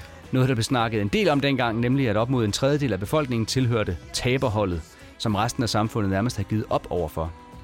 Taberhold havde intet med fodbold at gøre, men det misforstår Jimmy i sangen på meget charmerende vis. Jimmy han forstår overhovedet ingenting. Han som altid har været skrab til bold. Ja, jeg synes, man får stor sympati for ham der. Øh, især fordi han efterfølgende griner højt og siger, at det ikke betyder noget, hvad andre siger. De skal da ikke bestemme, om han føler sig på taber- eller vinderholdet.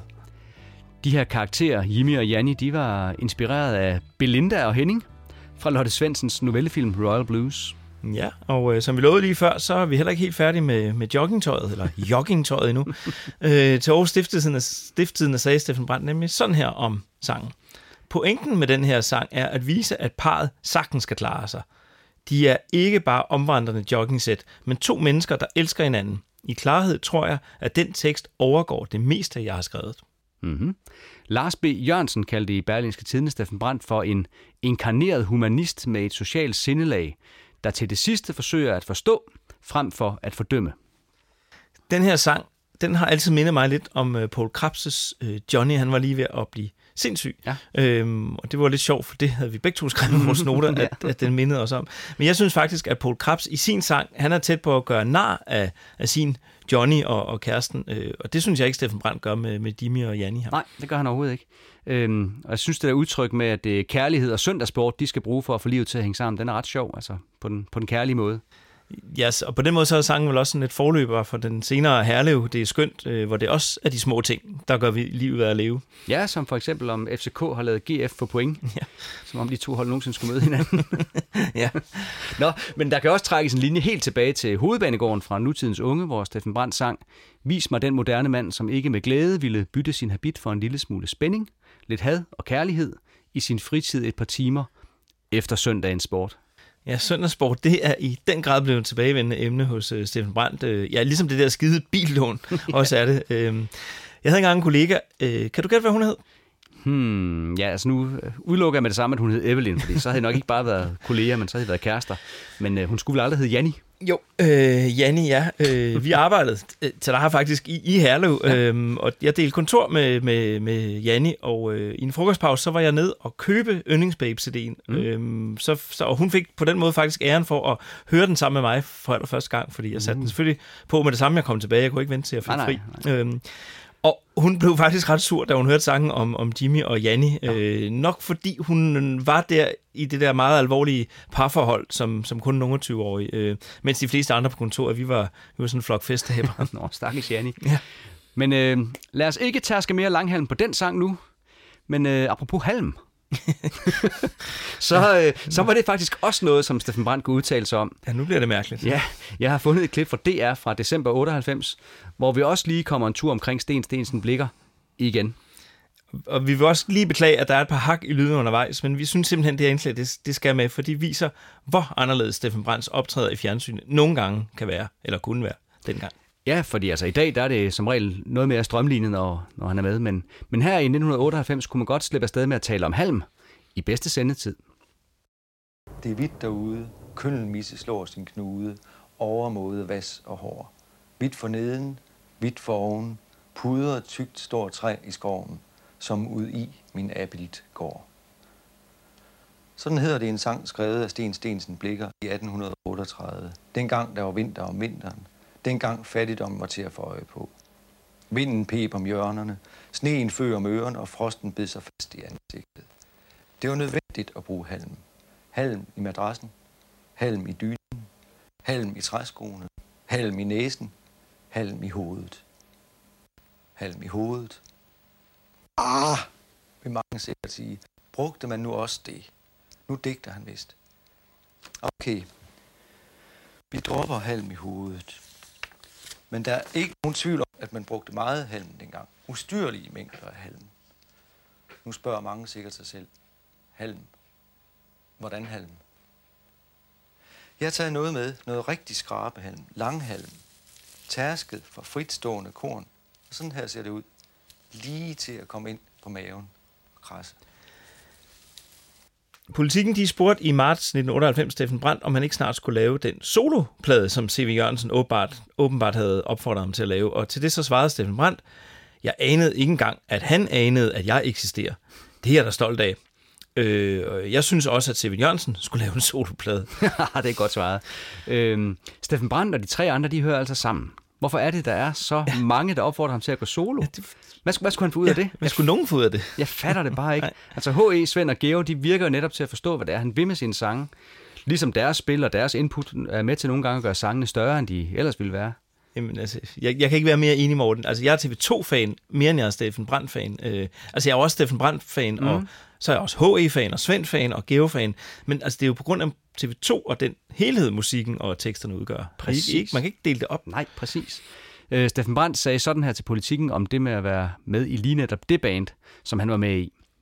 Jeg spiller i et orkester, der aldrig har fungeret bedre, og det er på alle planer. Vi har formået at blive voksne sammen med alle mulige konflikter som baggrund, og det har til synligheden været med til at skabe en eller anden ubrydelighed, som i øjeblikket virker til at være meget stærk. Vi forsøger simpelthen at overleve og holde fast som band, samtidig med at vi tager nye ting ind, uden at ændre dramatisk på vores egen stil. Næste nummer på pladen, det er en sang, som Steffen Brandt til BT kaldte en omvendt Richard Ravnvald. Klog bliver man af skade. Men sjældent mæt. Hvad for noget? Altså, klog bliver man af skade, men sjældent mæt. Det er da vise ord. Jeg tror ikke helt, du slår af med det der jetlag ned over grænsen nu. Spil nu bare sangen i stedet for. Okay.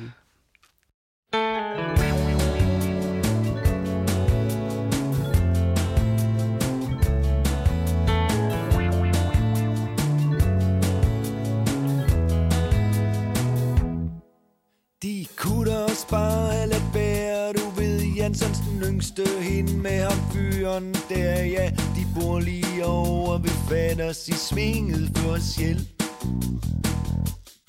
Men de skulle absolut ud og være Lidt mere end os andre. Og se nu hvad der kom ud af det. Hvis blot den slags mennesker kunne lære At passe sig selv.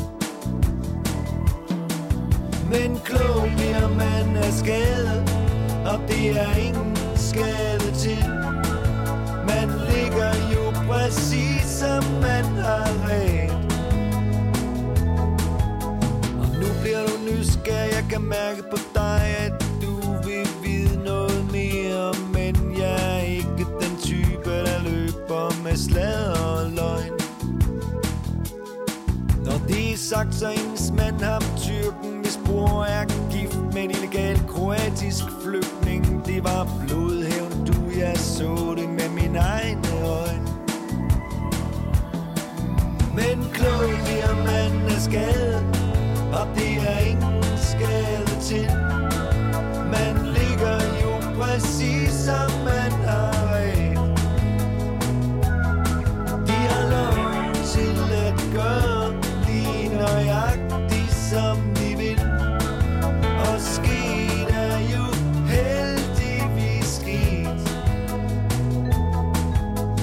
Så er det vist også noget med penge under bordet. Så er det 10 plus minus moms og forsikring Svind selvfølgelig, men ikke mine ord igen.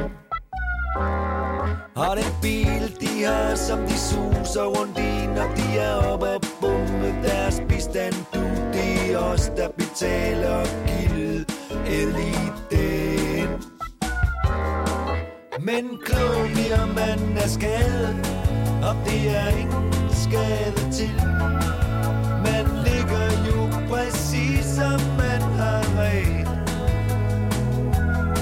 Og de er lavet til at gøre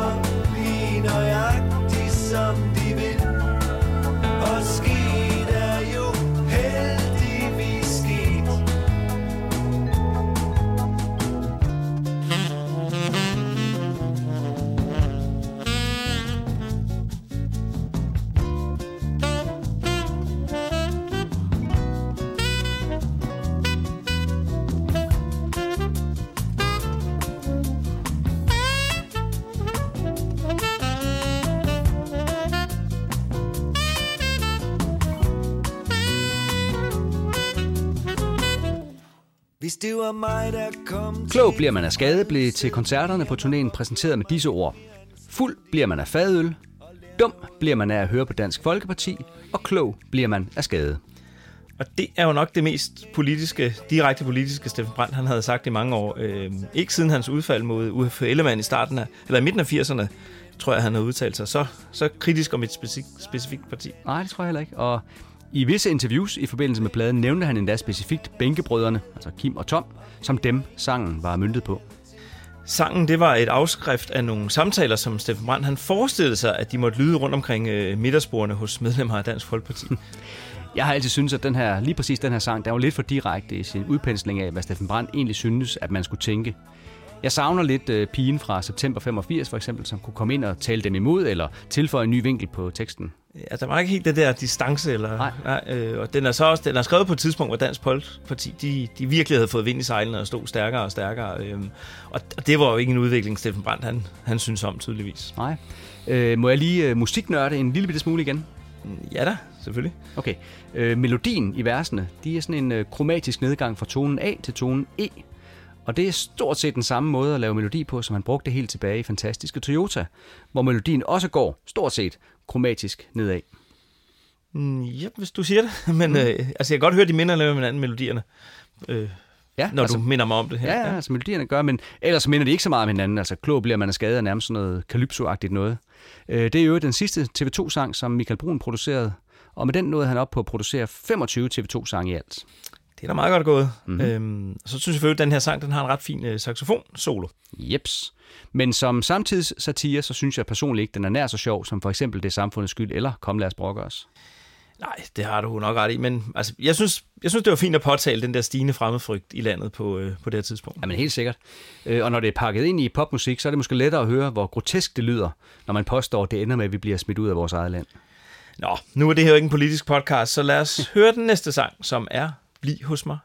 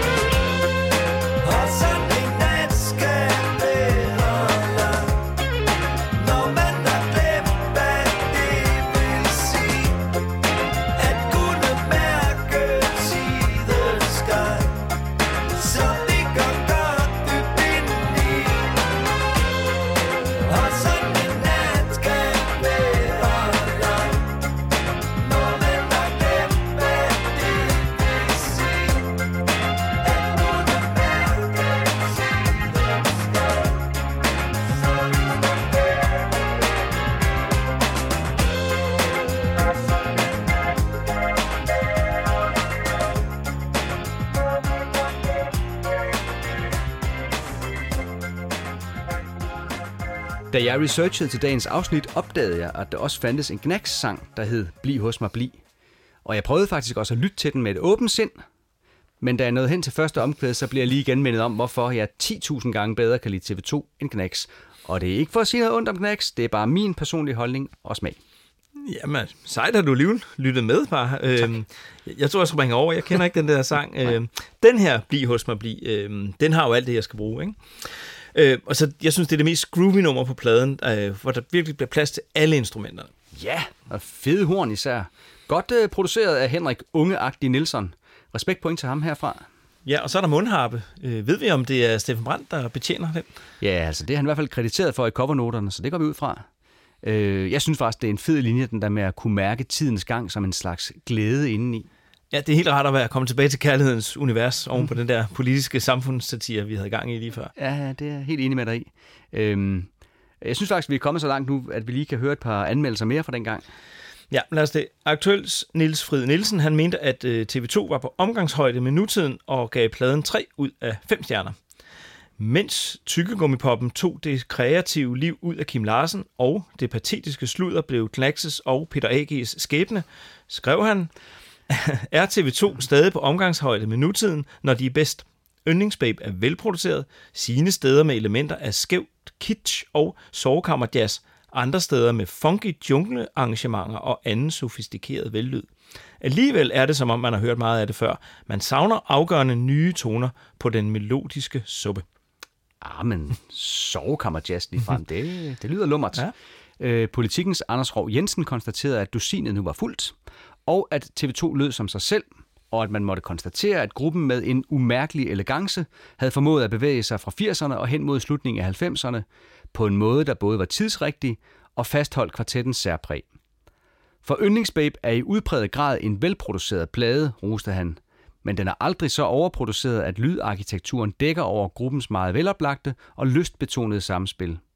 De bedste af de 13 sange swinger eminent og rutineret omkring Geo Olsens smidige basspil og Svend Gavls støtte trommespil, mens Hans Erik Lærkenfeldt med sine lige så afmålte som stilsikre guitarindsatser fuldender indtrykket af en gruppe, hvor man spiller for holdånden og derved gør helheden til mere end summen af de enkelte dele. Jeg tror, jeg er meget enig med Anders Krog Jensen her. Ja. Han, er- ja.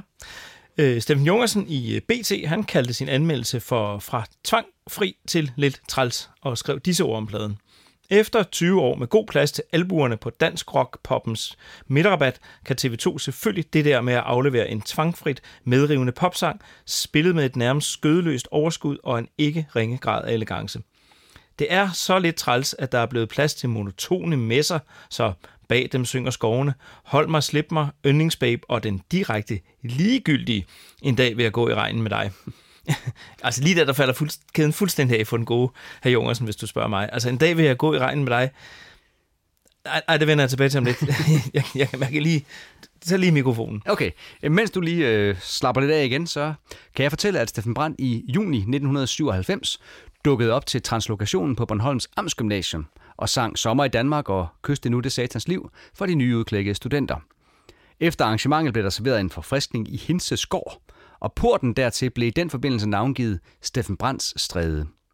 Steffen Brandt var meget beæret over, at en jyde som ham kunne tildeles en så stor heder, og han udtalte de berømte ord, Ich bin ein Bornholmer.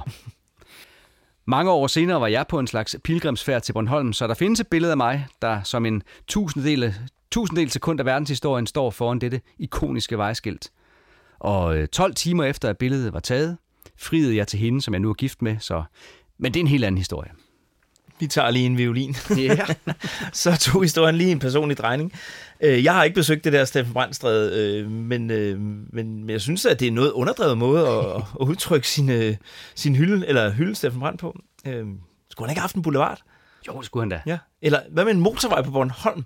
Bornholms første motorvej. Steffen Brandt motorvejen. Den vil jeg flux kåre til årets motorvej.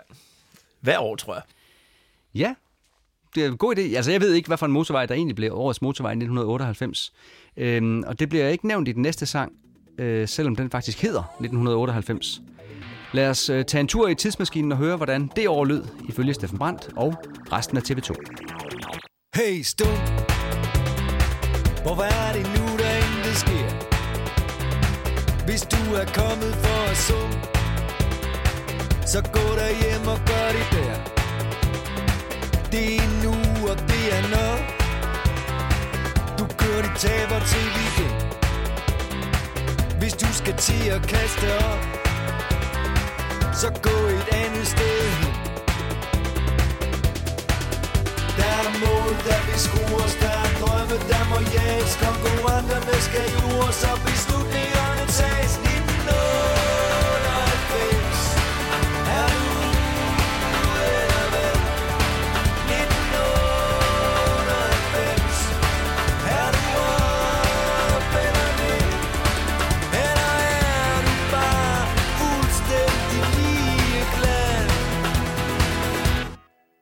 Hey, på Hvor meget er så nedtur Kom on med din egen job. Bedøv dig til du ikke er sådan som mere Hej vildt Det er for lidt og det er for meget. Det er råden, det er spild. Det er et liv og det er dit eget. Er piger, der vil score Der er drømme, der må jages. Konkurrenterne skal jures, Så beslutningerne tages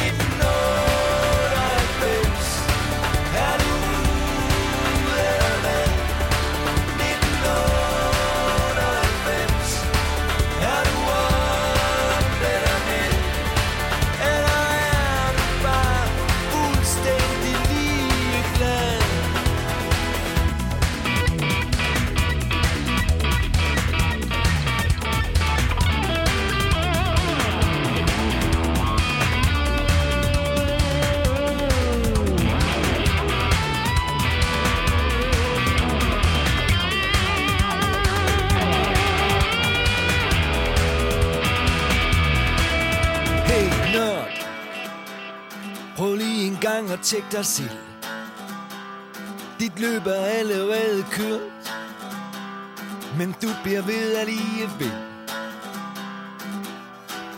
Hey spejl Sådan der, du. Jeg har tænkt over det, og jeg tror faktisk, at 1998, det var simpelthen det bedste år i mit liv. Okay. Mm. Altså, jeg følte mig både med og oppe, som mm-hmm. de synger om. Mm. Jeg gik i byen, jeg var fri, jeg scorede lidt piger indimellem, jeg jagtede alle mine drømme. Brøndby, de vandt deres tredje DM i træk det år, og, og det hele kulminerede altså 3. juli, hvor jeg var på Midtfyns Festival. Jeg så Danmark-Brasilien. Det var en fantastisk kamp, selvom vi tabte 3-2. Mm. Og så blev den efterfulgt lige bagefter af et brag en TV2-koncert. Ja, altså, der peakede alting. Det kan jeg godt se. Jeg, jeg så, at BT havde anmeldt den der koncert på Midtfyn, og de skrev, at TV2 hævde en stor sejr hjem, og at TV2 var et band, der kunne sætte enhver dansk menneskemængde op til narestreger, til enhver tid, i lyst og nød, sejr og nederlag. Jamen, det er præcis også sådan, jeg husker det. Det var en fantastisk aften. Øh, ifølge Dennis Dreyer, som havde skrevet anmeldelsen, så spillede TV2 blandt andet sangene Begejstringen vil ingen ende tage. Jeg tænker, det må være Biba Balula. Ja. Men de spillede også den sang, der hed Elske dig for altid. Okay, okay, det var flot researchet, må man sige. Øh, må ikke det så var, vil du danse med mig, han mente? Det var det nok jo. Men hvis øh, 1998 var det bedste år i dit liv, så vil jeg mene, at 1998 nok var det værste år i mit liv. Jeg havde kærestesorg, jeg droppede ud af min uddannelse, og jeg vidste overhovedet ikke, hvad jeg skulle med mit liv. Jeg følte mig mere nede og ude end, end op og med, må jeg nok indrømme. Jamen dog. Øh, Jeg er spændt på at høre, hvad vores forskellige syn på det her år kan... Om, om det kan høres, når vi nu skal anmelde pladen lidt om, om lidt. Jamen, øh, det har jeg faktisk en fornemmelse af, at det godt kan.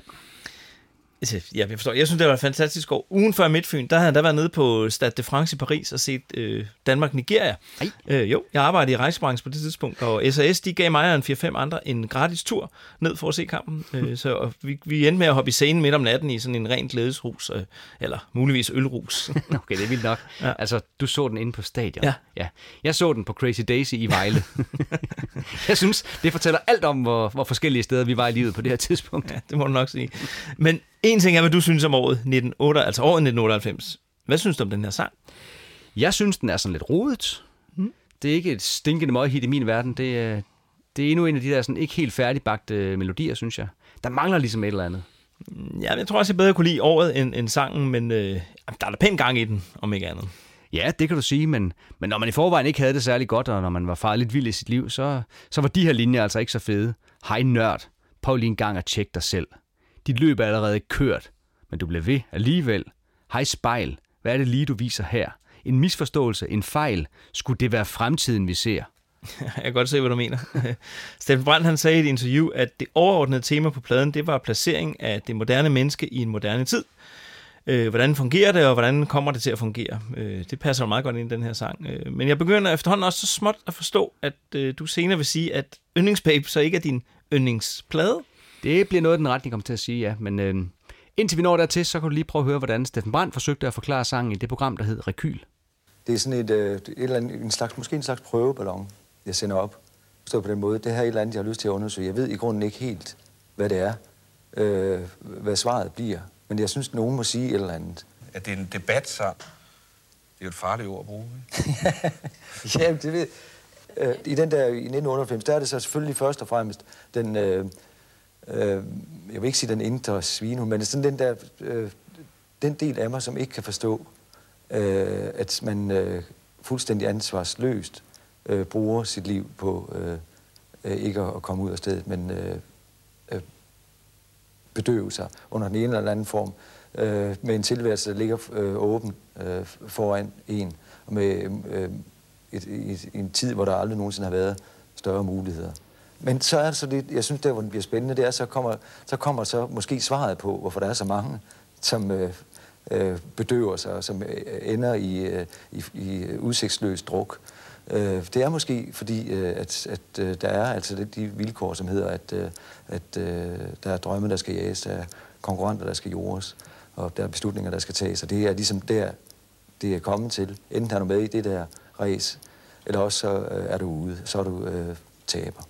Spændende. Det er altså sjældent, at det lykkes nogen at få ham til at tale så længe om et seriøst emne, øh, uden han afbryder sig selv med en eller anden morsom bemærkning. Ja, men, men det er jo også en alvorlig sang. Ja, det er der også ingen tvivl om. Øhm, tænker du ikke, at vi skal til? Jo, der er vist ingen vej udenom. Der skal mere end kold effekt i, og stencil som mig. Yndlingsbabe udkom den 25. februar 1998. Det er den tredje februarplade i træk, og det tæller selvfølgelig også med, når vi snakker om, hvorvidt den var tredjedel af en trilogi eller ej. Den er solgt i 75.000 eksemplarer, altså ikke nær så mange som hverken verdens lykkeligste mand eller kystbruden. Nej. Udover TV2 selv medvirker The Aarhus Horns og Henrik Nielsen på pladen. Sidstnævnte bidrager med keyboards, beats og samples, kor, arrangement og gode idéer. Intet mindre. Andre gæster er trompetisten Flemming Agerskov, harmonikaspilleren Øjvind Aargaard, som vi nævnte før, og Jasmin på kor. Øh, Hun har forresten også sunget med blandt andre Thomas Blackman, Remi, Skor Torp, Erik Gart og ja, mange flere. Der medvirker også en strygekvintet på pladen, og den er produceret af Halfdan E., Greg Walsh, Knut Hovik, Michael Brun, Peter Biker og Henrik Nielsen. 1, 2, 3, 4, 5, 6. Det var mange producer på en plade. Ja, øh, Steffen Brandt sagde spøgefuldt i et interview, at de efterhånden havde fået så mange producervenner, der ville blive ked af det, hvis de ikke blev kontaktet. Så derfor var der så mange producer med. Coveret er selvfølgelig designet af Jodam Kærgaard, og dengang så er det med en grafik og en masse ovaler, og så nogle øjne og et par læber. Øh, Jeg har mange år haft en plakat af, af det der cover hængende mm. op i mit øh, sommerhus, øh, men nu har jeg taget med hjem, for jeg kan faktisk godt lide det der cover. Ja, men det er også flot. Da jeg var fanklubformand i sin tid, der lavede vi en afstemning om, hvilket TV2-cover, der var det flotteste, og Yndlingsbabe kom på en flot andenplads efter Nærmest Lykkelig. Vi fik ikke talt om coveret fra Kystbroen sidst, gjorde vi? Ikke så meget. Vi, vi fik lige nævnt, at der var lavet en lille vignet til hver sang. Vil du øh, tilføje noget om det? Nej, vi kan jo bare lige nævne, at der bliver kysset med tunge og alt muligt på coverbilledet. det kan man roligt sige. Det, det er jo nogle ordentlige tunger, der bliver rullet ud der på det cover. Øhm, tilbage til Yndlingsbabe Ja. øh, og den plakat. Øh, min datter, hun var i mange år bange for de der øjne på Yndlingsbabes cover, da hun var lille. Så hver gang hun skulle sove i sommerhus, så blev plakaten vendt om. øhm, og nu er hun så blevet teenager, og nu er hun så ked af, at de ikke hænger i sommerhuset mere. altså, det er jo ikke altid let at gøre det rigtigt. Nej, jeg kan godt se. Øh, Jeg synes, man kan fornemme noget af den her gode stemning, der var omkring orkestret, når man læser covernoterne. Øh, Halvdan E. fortalte jo i sidste episode, at det slet ikke føltes som arbejde, når man producerede for TV2. Og her i coveret kan man se, at ham, der assisterede med teknikken, hedder Jacques, skal vi aldrig på rust, Pedersen. Okay.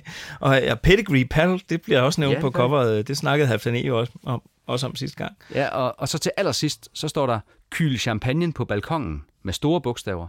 Kender du historien bag det øh, udsagn? Ja, altså Steffen Brandt, han fortalte historien til Aarhus Stifttidende. Øhm, han havde været i Stockholm, hvor han havde på hotel, og her og så flere andre steder i byen, så havde han set opfordringen, øh, hvor der stod kyl champagne på balkongen. Øh, og det skal med på pladen, tænkte han, øh, da han læste det der skilt. For endelig havde svenskerne rystet det kedelige og reserveret af sig, for i indre blik, så så han allerede de der fløjtører, der gik op, og champagneflasker blive smidt ud på balkongerne.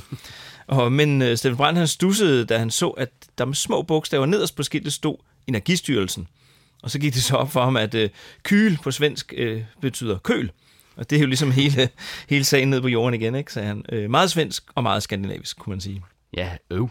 Jeg kan også meget bedre lide det der billede, hvor champagneflaskerne bare bliver kylet ud på balkongen, og så er der gang i den vildeste fest. Ja, rolig, rolig. Skulle vi ikke lige se at komme ned på jorden igen? Jo, det skal jeg da lige lov for, at vi skal. Det er værd at nævne, at det er den første TV2-plade med henvisning til www.tv-2.dk i noterne. I en avis så, så jeg, at der stod, at TV2 var så populær, at de var nødt til at have deres egen hjemmeside. Ja, ja, men altså, den hjemmeside var også en af de allerførste, hvis ikke det rent faktisk var den første hjemmeside, jeg nogensinde besøgte, da jeg var på nettet første gang.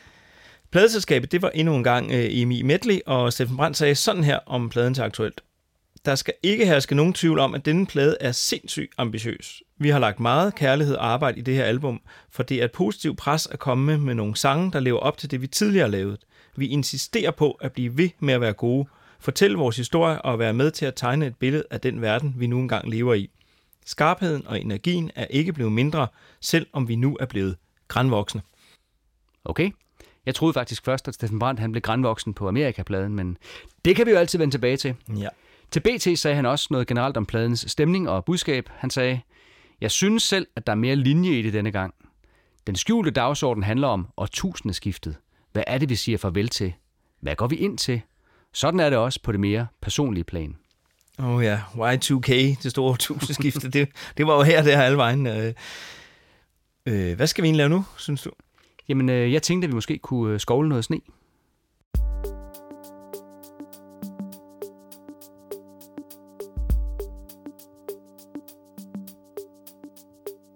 Det er koldt, og det stormer, og havler og sner, og jeg indrømmer blankt, jeg ikke orker mere.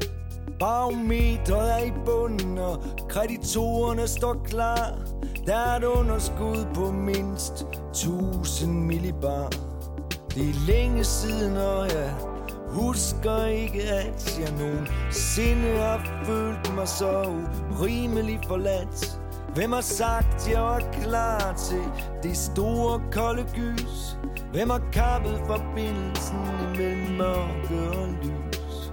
Der er masser af chancer, men uanset hvad du tror, så kan du godt spare dig lidt dyre ord.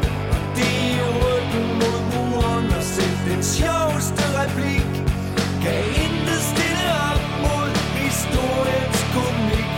Der er masser af chancer, så men uanset hvad du tror, så kan du godt spare dig dit dyre ord. Det er ryggen mod muren, og selv den sjoveste replik kan intet stille op mod historiens komik. I en hver ordentlig popsang, i en pige træde ind og liste kærlige ord i mit forstyrrede sind. Svæv bort som en slow motion film fantasi I en duft af pæn og ny teknologi. Men der er larm på nettet, det er ren hvid støj. Og drømmen har søgt tilflugt under varmere himmelstrøg. Vingesuset efterlader ingen synlige spor. Kompasset står og blaffer omkring det iskolde nord. Der er masser af chancer, men uanset hvad du tror. Så kan du godt spare dig lidt dyre ord. Og det ryggen mod muren og selv den sjoveste replik. Kan intet stille op mod historiens komik. Der er masser af chancer, men uanset hvad du tror Så kan du godt spare dig lidt dyre ord Og det er ryggen mod muren og selv den sjoveste replik kan intet stille op mod historiens komik. Og det hænger mig ud af halsen, jeg har gennemskuet alt. Det er for meget, det er for lidt, det er for ondt og det er for galt. Jeg anråber himlen, når jeg sværger op til Gud. Det var slet ikke at jeg endelig går nedenom og hjem Og finder dig ventende igen og igen. Du siger ikke noget, men jeg kan se på dit blik At der skal handles hurtigt, før vi glider væk. Det er ikke særlig meget, men det er nogle gange nok Sådan at sidde og stige ingenting til solen den står op. I morgen bliver til dag, og jeg mener at kunne se At der trænger til at blive skovlet noget sne.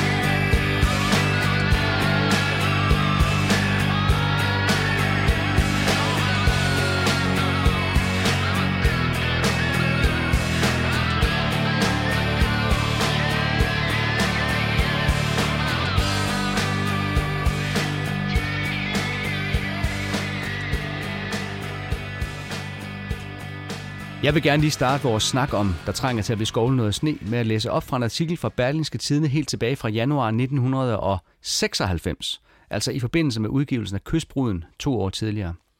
Her fortalte Steffen Brandt om en sang, som ikke var kommet med på pladen. Hør en gang. Vi havde en sang, som faktisk lagde linjen eller satte temaet for hele pladen. Vi kunne bare ikke knække den. Den handler om det der fænomen med, at man alt, ikke altid bliver reddet af en popsang til sidst. Den har en meget lakonisk slutning, hvor hovedpersonen finder ud af, at der trænger skulle til at blive skovlet noget sne. Og det i mere end én betydning. På den anden side kan man ikke gøre meget mere end at have noget på hjerte. Sørge for at have ryddet og skovlet tilstrækkeligt med sne. Det der med sneen er jo et billede på fantastisk mange ting. Ej, er det egentlig sjovt. Altså, så den der sang, den var simpelthen øh, i spil til øh, kystbruden, og så kunne de bare ikke få lavet den, som den skulle være. Nej, præcis. Og den satte endda temaet for hele den plade, ifølge Steffen Brandt, uden overhovedet at komme med. Det synes jeg simpelthen er interessant. Ja, det er da vildt interessant. Øh, og jeg må sige, at jeg er glad for, at, at de fik den knækket, fordi så den kunne komme med på yndlingsspil. For altså, det, det der, det er en sang, jeg simpelthen bare nødig vil undvære. Jamen, der, der er vi helt enige. Den er, det er en helt usandsynlig smuk, vild og forrygende sang, hvor både tekst og musik nærmest er i en klasse for sig selv. Altså Morten, vi er helt deroppe, hvor vi kan tale om en førsteplads på min berygtede top 3. Altså, det er endnu en af de sange, som, hvor jeg får gåsehud hver gang jeg hører den. Øhm, jeg har heldigvis ikke selv været så deprimeret som personen i sangen her, men altså den måde, Steffen Brandt beskriver den der livsmerte, den rammer mig lige i hjertet. Altså især den der linje, jeg også var inde på før. Øhm, jeg anråber himlen, og jeg sværger til Gud. Det var jo slet ikke sådan, mit liv skulle se ud. Ja, det er et ret fantastisk højdepunkt i sangen, hvis man kan kalde sådan et smertenskrig for et højdepunkt. Lad os, lad os lige høre det igen, var. Og de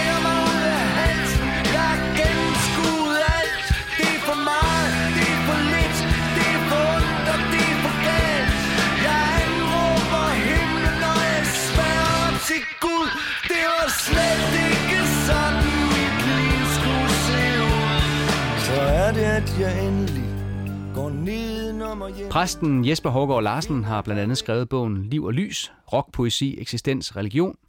Her har han skrevet nærmest et helt kapitel om, der trænger til at blive skovlet noget sne, hvor han blandt andet sammenligner den med Jobs bog fra det gamle testamente. Job mistede alt, hans børn døde, han mistede sit hus og sit helbred, ja selv hans kone forlod ham. Og nu vil jeg simpelthen lige læse et stykke fra det gamle testamente. Da åbnede Job munden og gav sig til at forbande den dag, han blev født. Gid den dag, jeg blev født, var slettet. Lad den dag tilhøre mørket. Mine suk er blevet mit daglige brød. Min stønnen vælger frem som vand. Det, jeg frygter for, rammer mig, og det, jeg gruer for, kommer over mig. Jeg får ikke fred, ikke hvile, ikke ro for den redsel, der kommer. Og når man så læser Steffen Brands linjer, og det hænger mig ud af halsen, jeg har gennemskuet alt, det er for meget, det er for lidt, det er for ondt, det er for galt. Jeg anråber himlen, og jeg sværger til Gud, det var slet ikke sådan, mit liv skulle se ud. Så kan man godt høre, at Job fra det gamle testamente og jeg-personen fra, der trænger til at blive skolen noget sne, de står i nogle situationer, der minder om hinanden. De er begge to helt ude i tårne, for at sige det som det er. Ja, det kan man vist roligt sige. Øh, I TV2-sangen er der heldigvis lys for enden af tunnelen, for der er en anden person, der sidder der ventende igen og igen. Og så kommer de. De måske smukkeste linjer i nogen TV2-sang overhovedet. Det er ikke særlig meget, men det er nogle gange nok. Sådan at sidde og sige ingenting til solen den står op. I morgen bliver til dag, og jeg mener at kunne se, at der trænger til at blive skovlet noget sne. Da jeg sad i øh, vinterom, vinterområdet i Valby Kulturhus af alle steder og hørte sangen, i, mens jeg researchede til det afsnit, så måtte jeg faktisk endnu en gang, så bare ligesom fælde en lille tår over, hvor smukt, hvor smukt det er. Altså helt ærligt. I Valby Kultur, Vandkulturhus. Jeg mener, altså, den her sang, den kan noget overalt til hver en tid. Nat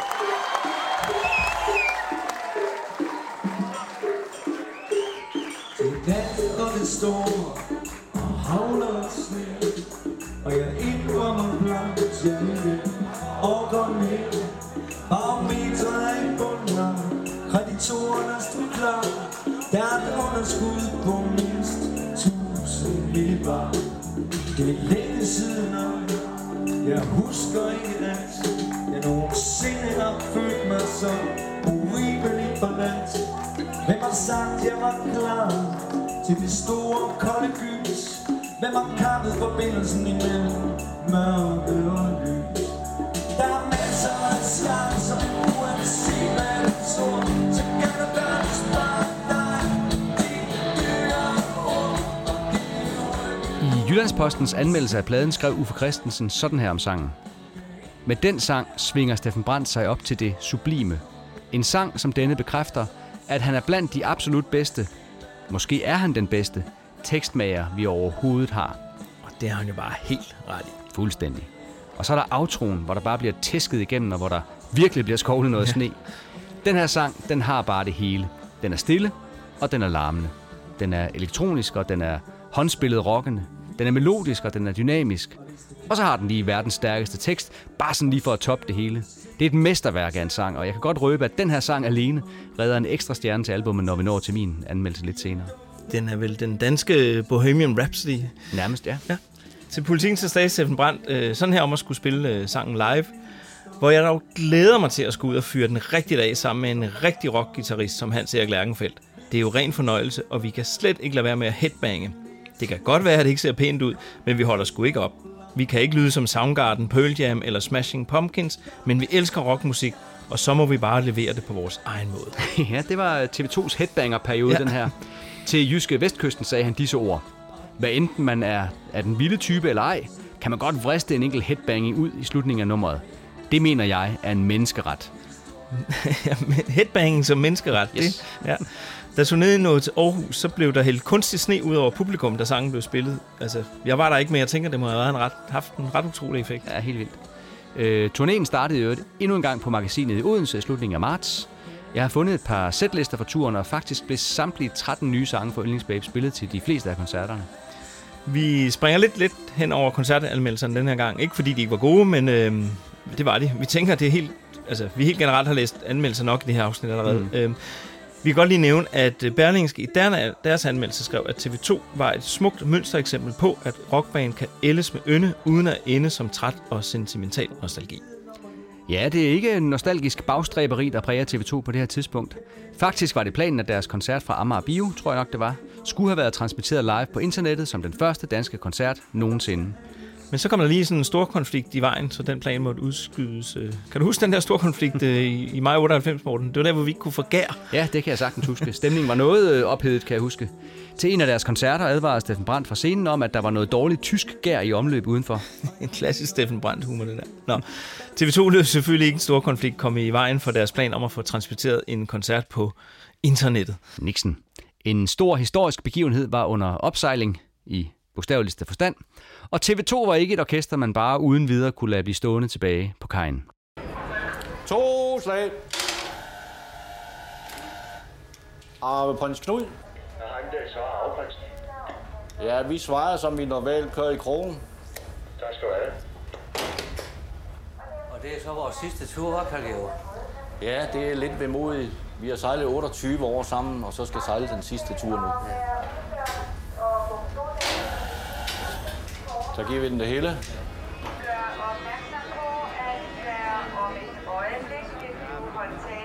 På Steffen Brands fødselsdag den 14. juni skulle den sidste færge ikke gå på grund, men sejle fra Knudshoved på Fyn til Halskov på Sjælland.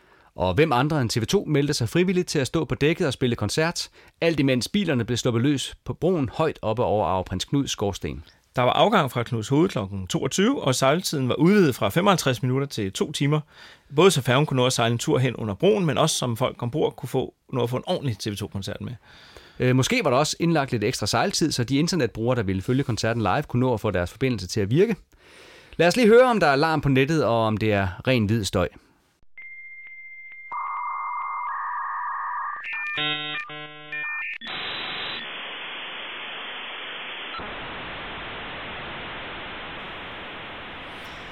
Ja, internettet var noget lidt andet dengang i 1998. Det var ikke sådan for, det var heller ikke sådan, at alle og bare kunne få lov at se koncerten. Mm-hmm. Der blev kun givet adgang for 2.000 danske internetbrugere, og så det ukendt antal fra udlandet. I dagene op til blev det udførligt beskrevet i aviserne, hvordan man fik adgang til at se koncerten, og DR, som senere ville sende et uddrag af koncerten, var også ude og gøre opmærksom på, at netkiggerne kun kunne se frem til at modtage 6-8 billeder i sekundet, mod det normale 24 billeder i sekundet, som man fik i fjernsynet. Ja, så blev der gjort opmærksom på, at høje bølger eller tæt tåge kunne forstyrre signalet, der formodentlig også ville forsvinde, når færgen sejlede under broen. Svend Gavl sagde til Frederiksborg Amtsavis, at orkestret var meget stolte. Det er et stykke Danmarks historie, sagde han, og den slags begivenheder kan vi godt lide. Pudsigt nok var vi, vist nok, også det første rockband, der spillede på en storbæltsfærge. Det var da vi var unge og nye i starten af 80'erne. Øh, orkestret de gik allerede ombord på øh, Afprins Knud øh, om eftermiddagen, for de havde lovet at besvare mails fra fans. Øh, og det løfte holder vi, lovede Svend Gavl. Og fortsat, vi har på et tidligt tidspunkt taget internettet alvorligt, og det har vi meget glæde af. Han blev også spurgt om, hvordan øh, han havde det med, at færgedriften blev indstillet, øh, og til det så svarede han, i begyndelsen var jeg imod, men efterhånden er jeg nok blevet lidt omvendt. Men desværre har færgestoppet en kedelig bivirkning for os turnerende rockmusikere. Vi har knyttet mange værdifulde kontakter med både kollegaer og fans ombord. Det er slut nu, og det er lidt vemodigt. Det var jeg. Æret publikum, rigtig hjertelig velkommen her til denne sidste færgefart over Storebælt på Arveprins Knud, mine damer og herrer. Vi hedder TV2, og vi vil samtidig gerne have lov til at byde velkommen til alle dem, som sidder foran den første transmitterede rockkoncert direkte på internettet.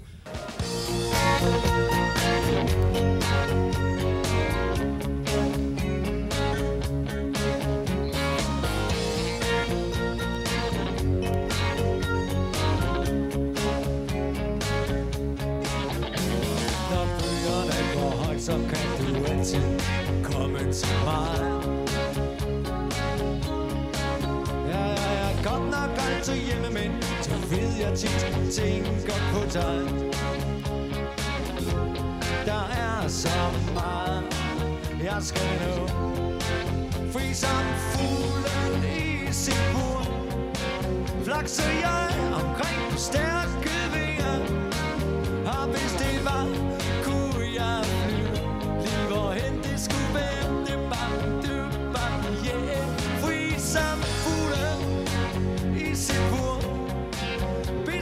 tanken om det jeg finder.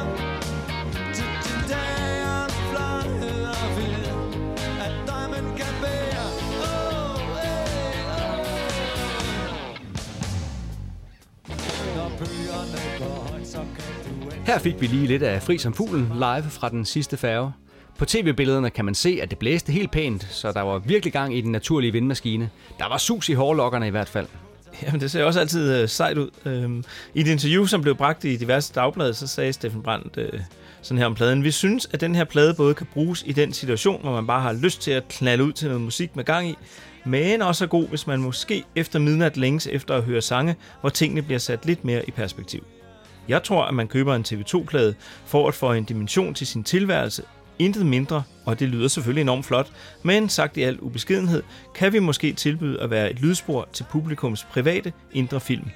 Man kan jo i hvert fald sige, at mange af de samme sange, vi har lavet, er blevet brugt til at forstå, hvor vi er henne, og hvad det er, der sker med os. Og til Fyns Stifttidende tilføjede han, humoren og ironien er forfinet, og der er kommet flere lag i teksterne. Tidligere tiders kuskeslag af begejstring er her afløst af underfundige smil. Det er en langtidsholdbar plade, og det er også sådan noget med, at vi har været her i 20 år og har tænkt os at blive.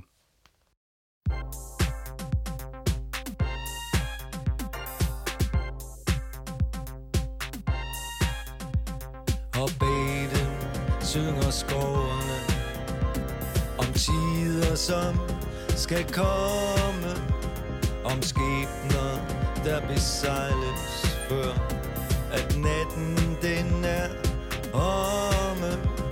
Jeg skriver og jeg skriver For at få det hele med. Historien begynder ude i mørket et sted. Og bag den synger skovene Om isforladte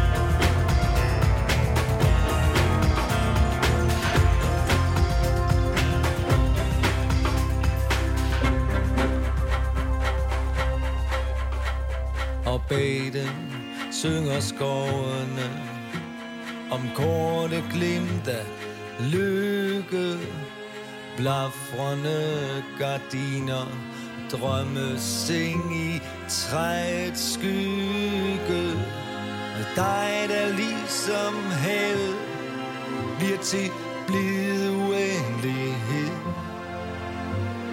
Mig der tænker satans Mens vi klapper solen ned. Og bag dem synger skovene os alle ind i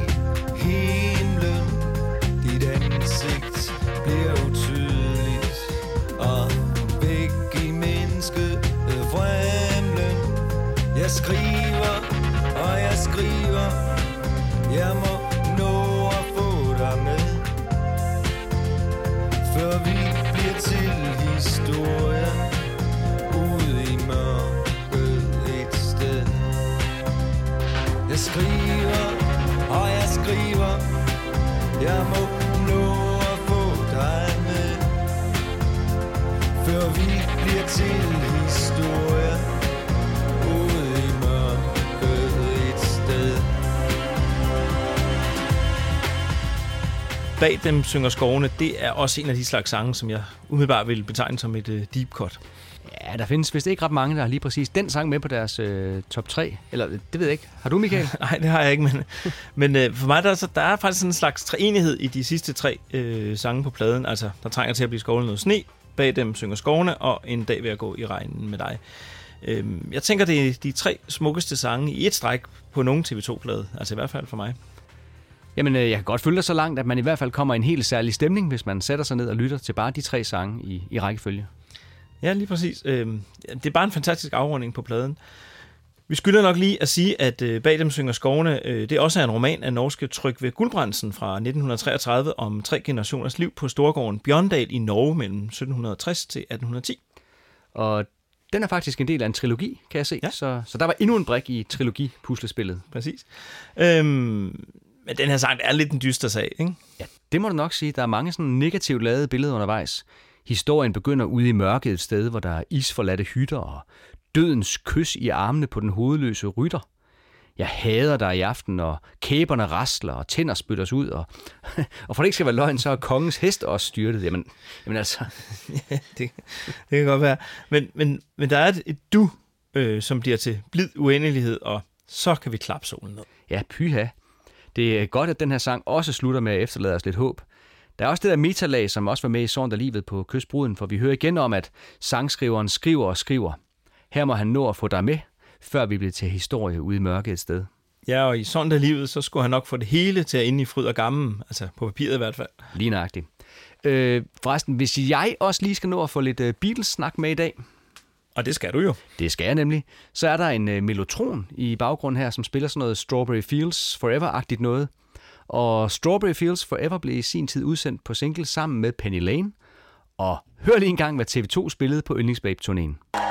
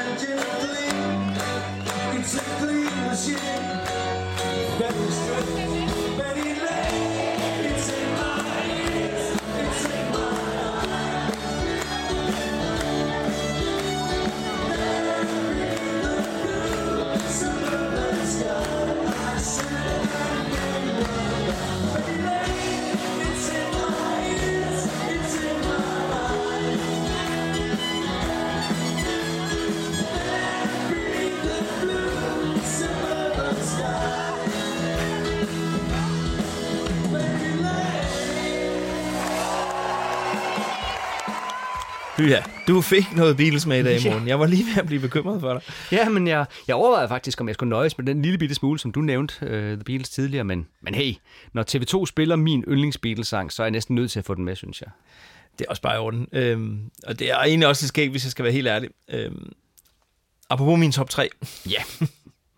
Hvad så? Ja. Har, du, har, du, har du flere emner til top 3 i dag? Ja, jeg, jeg berørte det lige før med Steffen Jungersen. Øhm, og jeg ved godt, at jeg lige har placeret, der trænger til at blive skålet noget sne helt op på toppen Ja, af listen. Det jeg, ja. Men det gør jeg altså kun, fordi den lå før på pladen end den næste sang. Og det er altså det er den, der ligger øverst på top 1 af, af alle mine top 1'er på alle mine top 3. Ja. Okay så. Igen. Jeg øh, finder paraplyen og gummistøvlerne frem og gør klar til en god tur ud i regnen. Yes, endelig.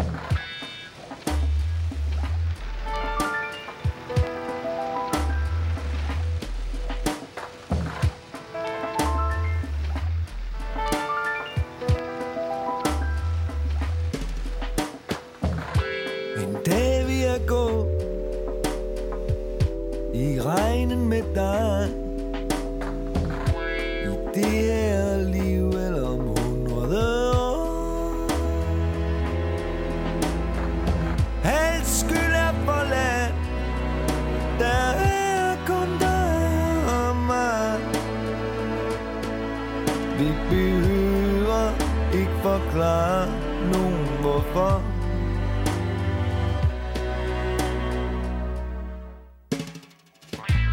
Dag vil vi gå Og der vil være tid. Bøgerne er læst og filmene set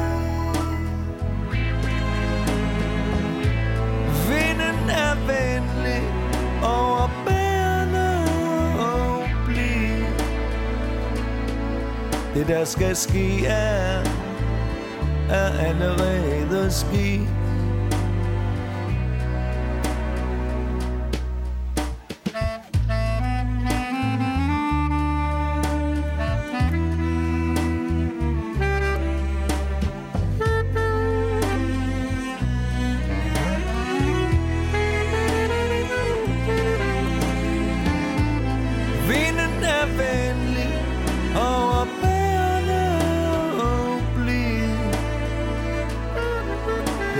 Det der skal ske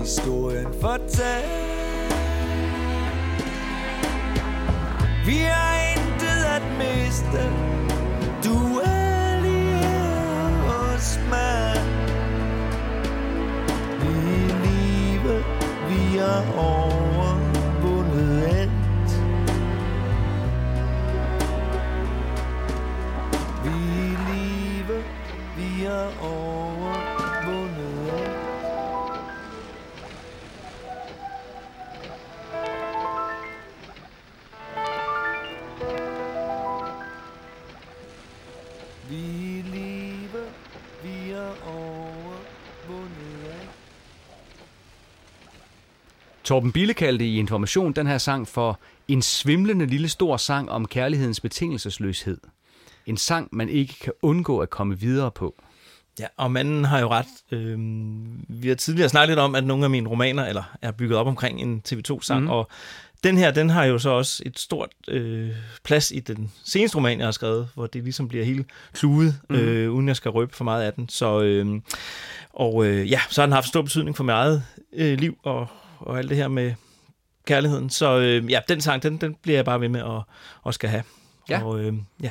Jamen det, øh, nu har jeg jo læst øh, dine bøger, og, og nu ved jeg godt, du ikke selv vil spoile, men nu spoiler jeg igen så, fordi det er blevet en vane, jeg har. øh, den, den sidste linje i den her bog, den, den lyder sådan her. Mit hjerte skipper tre slag. Jeg går ind på DMI's hjemmeside. De lover regn i morgen. Endelig. Ja, okay. Tak, Morten. Nu ved hele verden, hvordan den der øh, roman ender. Ja, tak for det. Jamen, øh, det var det så lidt. Øh, personligt, så synger jeg altid den her sang, når jeg er ude og gå en tur i regnvejr. Og efter at have fået hund, så sker det oftere end nogensinde før. Så hvor den, jeg tidligere sang til, var min hustru, så synger jeg den nu til min hund, Eddie. Nogle gange sådan lidt sarkastisk ud mellem tænderne, når han partout skal ud midt i et skybrud, ved. Så er det sådan, en dag vil jeg gå i regnen med dig. Ja, jeg kender det lidt nu. Nu har jeg også fået hund. Ja. Men øh, ja, det er jo nu sandsynligt smuk sang. Altså, jeg er også vild med det der lidt syrede klaver, der er om i baggrunden. Ja, og klarinetten. Ja, også den. Øhm, altså, jeg tror faktisk, jeg, jeg vil lytte til den her sang hele vejen hjem i dag med toget. Jamen, øh, god fornøjelse, Michael. Det er sådan en øh, vinduesviskersang, giver det mening? Øhm, jeg synes forresten også, det er en dejlig optimistisk linje som sangen, og, og dermed også albumet slutter med, vi er i live, vi har overvundet alt. Ja, det er stort. Steffen Brandt han sagde noget meget klogt til Aalborg Stifttidene, som jeg lige vil nævne. Øhm, for mange er hverdagen blevet en pligt, lagt ind i en fast tidsplan, og jeg vil gerne være med til at få nogen til at stoppe op og huske på, at livet ikke bare skal overstås.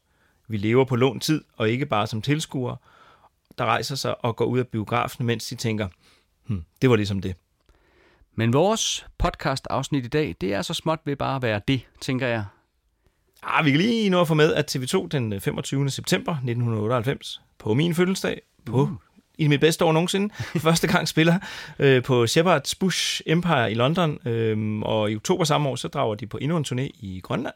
Mm-hmm. Kan du huske citatet fra sidste episode, hvor Steffen Brandt sagde, at han kunne svare på alt mellem himmel og jord om livet og døden og kærligheden, men at han på den anden side også godt kunne tænke sig at snakke lidt om fodbold?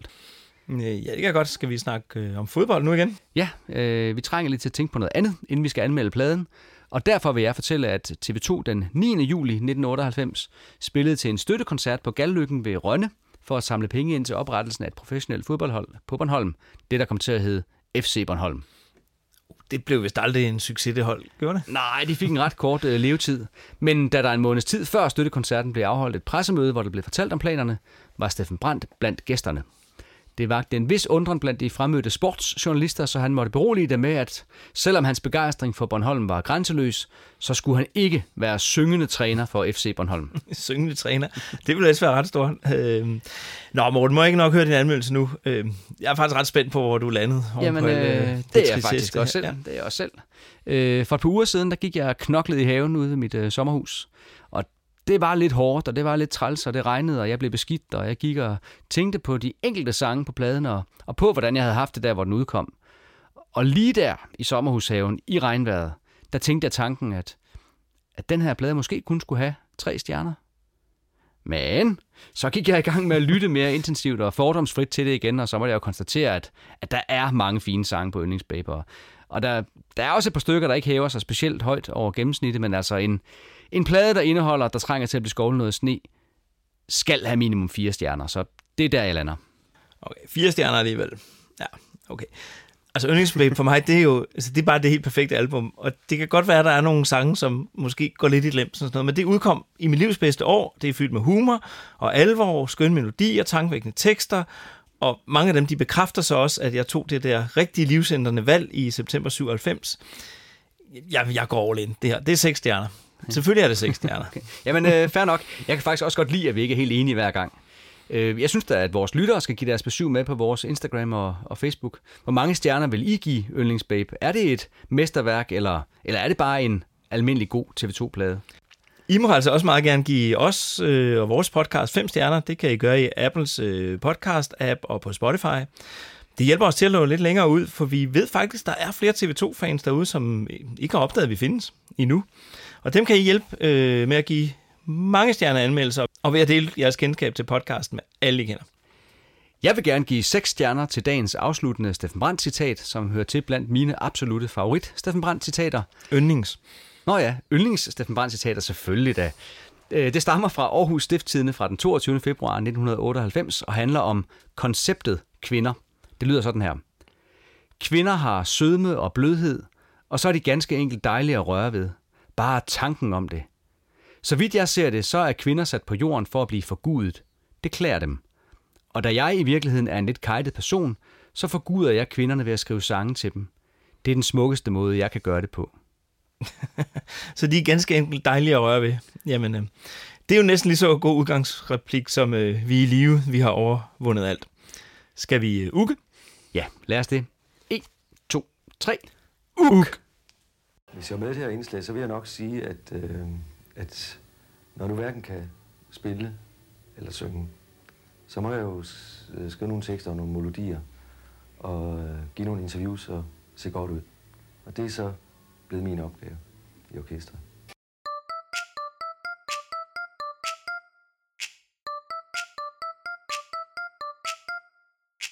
Vi taler kun om tv oh, oh. De er gode